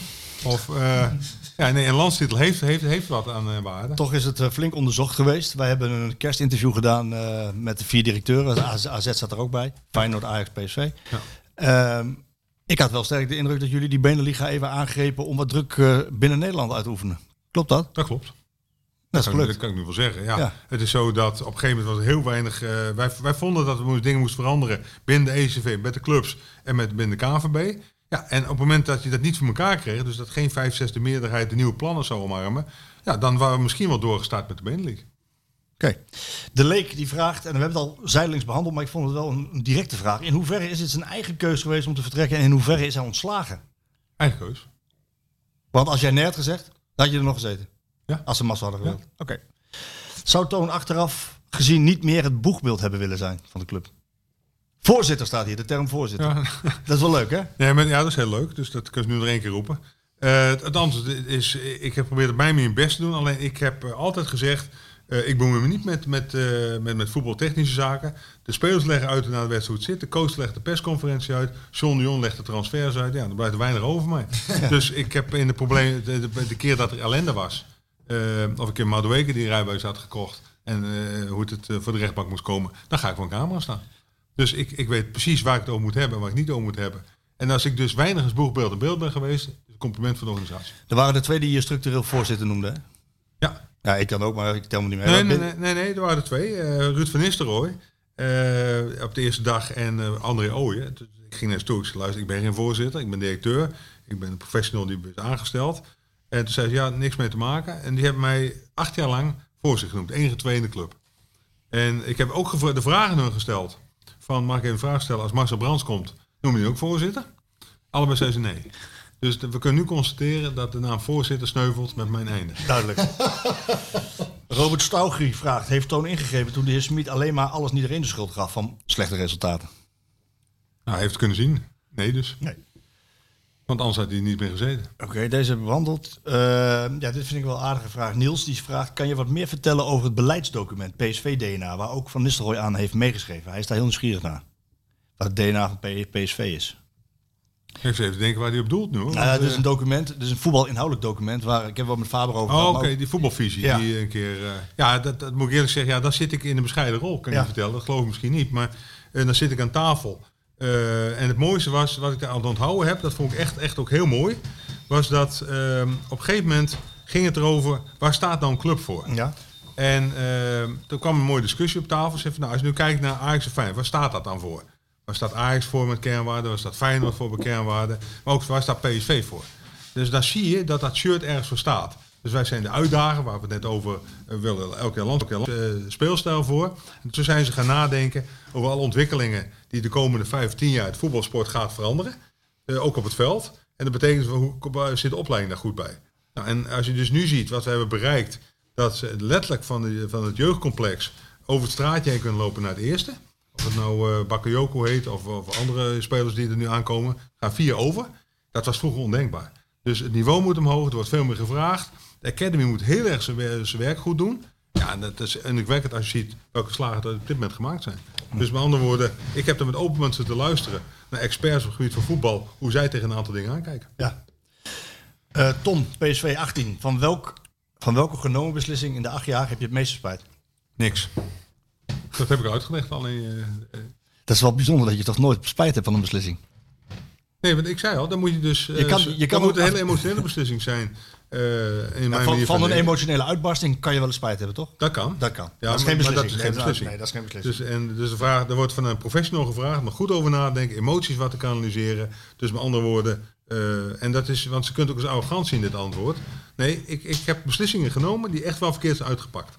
Dus dat, dat mag duidelijk zijn. Maar ik heb, uh, ik heb geen beslissing, denk ik, dat had ik toen anders moeten doen, want dan was het anders geloof ik voor PSV. Duidelijk. Um, ook veel vragen over, over John Jong. Um, ik ben benieuwd wat Toon Gerbrands de grootste winst vindt die PSV heeft behaald vanaf het aanstellen van John de Jong. Mede door veel mindere aankopen en COVID-crisis heeft PSV veel minder financiële middelen zien wegvloeien. Had John de Jong niet mede verantwoordelijk moeten worden gehouden. Dit is, dit is een beetje een... Ja. ja, maar dit leeft wel bij wel meer supporters. Ja, dat is onterecht. Want ook daar moeten ze naar de feiten gaan kijken. Moet ik zeggen, luister. Het eerste jaar zie ik nog alle stukken over Sangaré en die klopt allemaal niet. Ja. En eh, die kon niet voetballen. En daar hebben heel veel mensen aan meegedaan. Ja. En dat was een zogenaamde miskoop. Ja. Eh, Doan was een miskoop. Nou, ik wil nu het rijtje wel even laten zien wat dat allemaal waard is. Hij heeft deze verlengd. Die was toen een bepaald keer ook uit beeld. Dus die hebben we nodig. Die staat nu ook eh, te, te, te spelen. Dus ik wil eens weten wat mensen aan de miskoop vinden. Mauro? ja, de zomer van 2019 speelt daarin eh, in vaak een rol. Hè, als de jongens van Bruma en Baumkartel te sprake komen. Ik zal het bedrag niet noemen van Baumkartel. Nee maar, nee, maar dat is ook precies, je ziet wat je wil zien. Dat, met andere woorden, wij halen Sangaré voor een vergelijkbaar bedrag halen wij binnen. Eh daar heeft ontzettend zijn best moeten doen, de hele Premier League eh, moeten aftroeven. Voor een bedrag van rond de 7, 8 miljoen, om even wat te roepen. En ja, nu zie je al bedragen gaan die eh, beginnen met een 3, om even wat te roepen. Nou, dus met andere woorden, van, iedereen kan die emotie wel hebben. Maar ook daarin kijk ik gewoon naar de feiten van wie speelt nu waar, wat zijn ze waard, hoe steekt het in elkaar. Eh, Zijn ze allemaal beter geworden? Dus het is onterecht. Het- De vraag is niet onterecht, maar ik, ik val er dus het antwoord wel aan. Kunnen we, eh, klopt het dat, eh, dat er- Sangaré een clausule in zijn contract heeft dat hij voor zeven- 37,5 miljoen weg mag? Dan moet je John Jong zijn. Jij weet het ook. Ik weet het wel, maar daar ga ik niet over. Dat is precies waar ik, waar ik dus mijn rol eh, stopt. En trouwens, op dit moment John en misschien Marcel ook wel in gesprek met zijn zaakwaarnemers. Ik weet niet wat ze daar afspreken.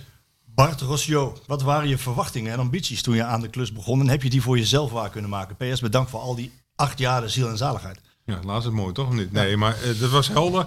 Eh, ik heb er ook iets over gezegd. De financiën moesten op orde. Nou, dat is helemaal terug. Eh, dus de com- com- commissie is op een hoger niveau door Frans Jansen gekomen. Andere concepten in het hele verhaal. En één keer in twee jaar Champions League halen. Ja, dat waren de concrete doelen.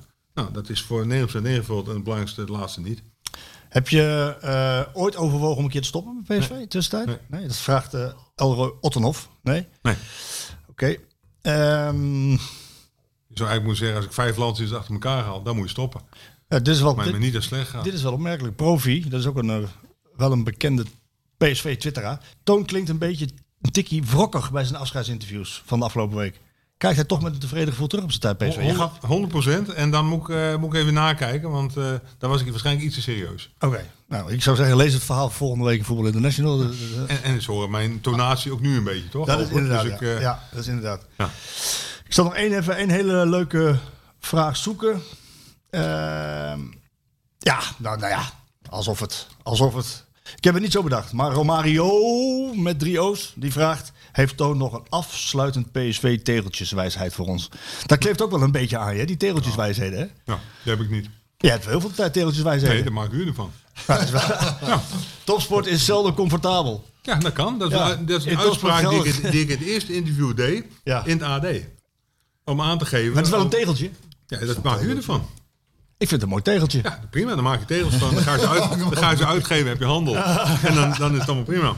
Maar ook dat is een soort... eh, kijk, als ik dan een uitspraak doe boven een, eh, boven een interview... Ja. Ik heb altijd geleverd. Is dat ook een tegelswijsheid? Maar vind ik niet. Oké, dat- dat word is ik in dat is een- staat. Dat is een conclusie. Ja, dat klopt. Maar omdat het woord ik erin staat. Nou, die kennis is toch ook een conclusie? Nee, dus, Je ziet wat je wil zien, is ook- zo'n eh, uitspraak. ja, dat is wel. Ja. En maar ook. Ja, maar dat even de beeldvorming. Er zijn twee soorten trainers, goede en slechte. Ja, dat klopt. Maar als je je gaat verdiepen in de uitspraak, je ziet wat je wil zien. Dat is de basisregel van psychologie. ja. Dus alle problemen worden op die manier bekeken. Dat als jij een aardige vent bent en je maakt een fout, dan accepteer ik dat. En als ik vind dat Björn het niet goed doet, dan zeg ik, zie je wel, hij maakt een fout. En alle huwelijken die stranden hebben met je ziet wat je wil zien te maken. Of je voelt wat je wil wel voelen. Dus zo'n uitspraak mag je als tegenswijsheid zien. Je kan ook zeggen, het is een hele grote wijsheid. Waar de hele psychologie op, gestoeld is. ja, nou goed. eh, Dat is, eh, Dus geef ze uit. Ik, ik vind- kijk, ja, eh, Marco. nou, ik vind ook wel een mooie. eh, wat je op je achterkant. nee, op, de, op de achterkant van je grafsteen gaat zetten, Toon. Zie je ommezijde. Zie je omzijde. ik heb goed opgelet in al die jaren. Ja, klopt. Dat ik. Eh, als ik jou hier nou een leeg tegeltje zou neerleggen, wat zou je er dan opschrijven? Niks. Zou je N-I-K-S niks? Er is ook niks op te schrijven. Waarom niet? Nou, wel. Kijk, je hebt van die programma's, van die cultuurprogramma's waar je op een tegeltje wat moet schrijven. Van 7 tot 8 bij NPO 1, daar luister ik wel eens naar. Ja. Daar is het format Precies, van, het verhaal. Ja? Nou, daar had ik dan over nagedacht. En dit was het format niet op deze podcast hoorde. Nee, klopt. En dan bevestig ik weer dat ik weer met een tegeltje bezig ben. Dat wil je Dat ik net roep van dat is goed. Je mag je zo uitspreken over een liedje. Ik wil nog één ding eh, zeggen. Dat is RW. En die zegt gewoon bedankt meneer Gerbrands. Complimenten hoe je de club hebt leiding gegeven. Bedankt voor de mooie succesvolle jaren. En vooral voor het kampioenschap tegen Ajax. Succes met alles en veel gezondheid. Geen vraag, maar een bedankje. Nou, daar sluit ik me graag weer aan. Nou, mooi geformuleerd. Morgen, ja, dus dat is ook Twitter hè? Ja, dat Die klopt. zijn er ook. Ja. Eh, afsluiten met I Did It My Way? Of wat, wat kunnen we verwachten, Toon? Nee, ik zou eh, kiezen voor Forever Young. Forever Young. Omdat, om, en dat, dat, dat plaats ik dan in de eh, mentale me- mensen, me- mi- mindset van altijd blijven ontwikkelen en nieuwsgierig blijven. Iedere dag, iedere En de, dag. en de Bob Dylan versie? Ja, je gaat me nu overhoren met... eh, Nee, daar- is het van toch? Het is de origineel van Bob Dylan mij. Er zijn veel covers van, van. oh ja? Dat wist ik niet. Ik denk van Alpha veel. Die heeft hem ook, ja. Alpha. staan, ja. Dat, Ja. dat is de beroemde, toch? Ja. Ja. Die, is ook, die is ook het mooiste, toch? Ja, die andere ken ik niet, dus dan is deze het mooiste, toch? Vind je hem ook mooi? Een goede Ik vind hem mooi. Ik vind het een mooie keuze. ja. Ik vind het ook een hele mooie keuze. Björn, bedankt voor eh, dat je er was en dat je weinig aan het woord bent geweest. Nou Sorry. ja, eh, nogmaals, eh, als we een eh, gast hebben, dan eh, vind ik het erg prettig om eh, die volledig aan het woord te laten. En dus mijn dank is zeer groot, Toon, voor jouw eh, inspirerende aanwezigheid. Ik had, eh, hij loopt nog niet toch wel of de muziek. Dat kan ik heel, want ik heb, ik zei laatst met Marco over, ik ben ooit één keer bij een interview was volgens mij hier in, in ehm, van het Albummuseum in dat kleine zaaltje. Bij En dat vond, ik, ja, dat vond ik, toen ook, vond ik ook prachtig en inspirerend. Er was één ding waarvan ik dacht, oh, misschien ben je daarop teruggekomen. Dat hoop ik althans. Hij zei, het was één ding wat ik, wat, wat ik niet begreep. Verder kon ik me overal in vinden, vond ik alles inspirerend. Dat je eh raar vond dat kinderen nog geleerd wordt om te schrijven.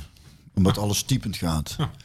Maar ik vind het eh, zo mooi om, dus niks zo mooi om een geschreven briefje of een kaart. Een handschrift is ook een persoonlijkheid. Dus dat mogen we nooit verliezen. Dat is waar, waar ik, wat, wat ik me over verbaas. Ik dacht, als ik een kaartje op de bus en ik zie het handschrift van ons moeder, ik, dat is van onze moeder. Nee, maar ik ben ook van schrijven, vulpennen, laat ik even duidelijk over zijn. Dus ik, eh, dus, eh, ik schrijf alles. Ik, eh, ik, ik, ik, wat ik ook doe, is elke keer als een supporter overlijdt, een supporter, eh, en we komen erachter, ga ik persoonlijk een kaartje sturen. Handgeschreven. Ja, En als je ziet wat dat voor effect heeft soms, eh, hoe mensen daar later op terugkomen. Heel bijzonder. is toch anders dan een berichtje of eens, een... Of nee, helemaal mee eh, eens. Maar het ging toen over, want even in de context uitleggen nog eventjes. Het ging over de context van, hebben wij nog het goede curriculum op school? En er zitten natuurlijk allemaal vakken bij die niet meer kloppen. Ja. Die totaal niet meer aansluiten. En toen zijn hoogbegaafde kinderen vroegen, welk vak zou je afschaffen? Zei de hoogbegaafde, schrijven. Want we typen alles, we krijgen geen typles op school. En het enige wat je moet schrijven is de handtekening en dat leren ze ons niet. Nee. Dat was het bruggetje toen de tijd. Bedankt. Ja, ja, nogmaals dank. Ik vond het echt Ja, eh super leuk, fijn. Nederlands. Ja, vond het heel leuk. Mooi. Ja. Bedankt, jongen. Houdoe.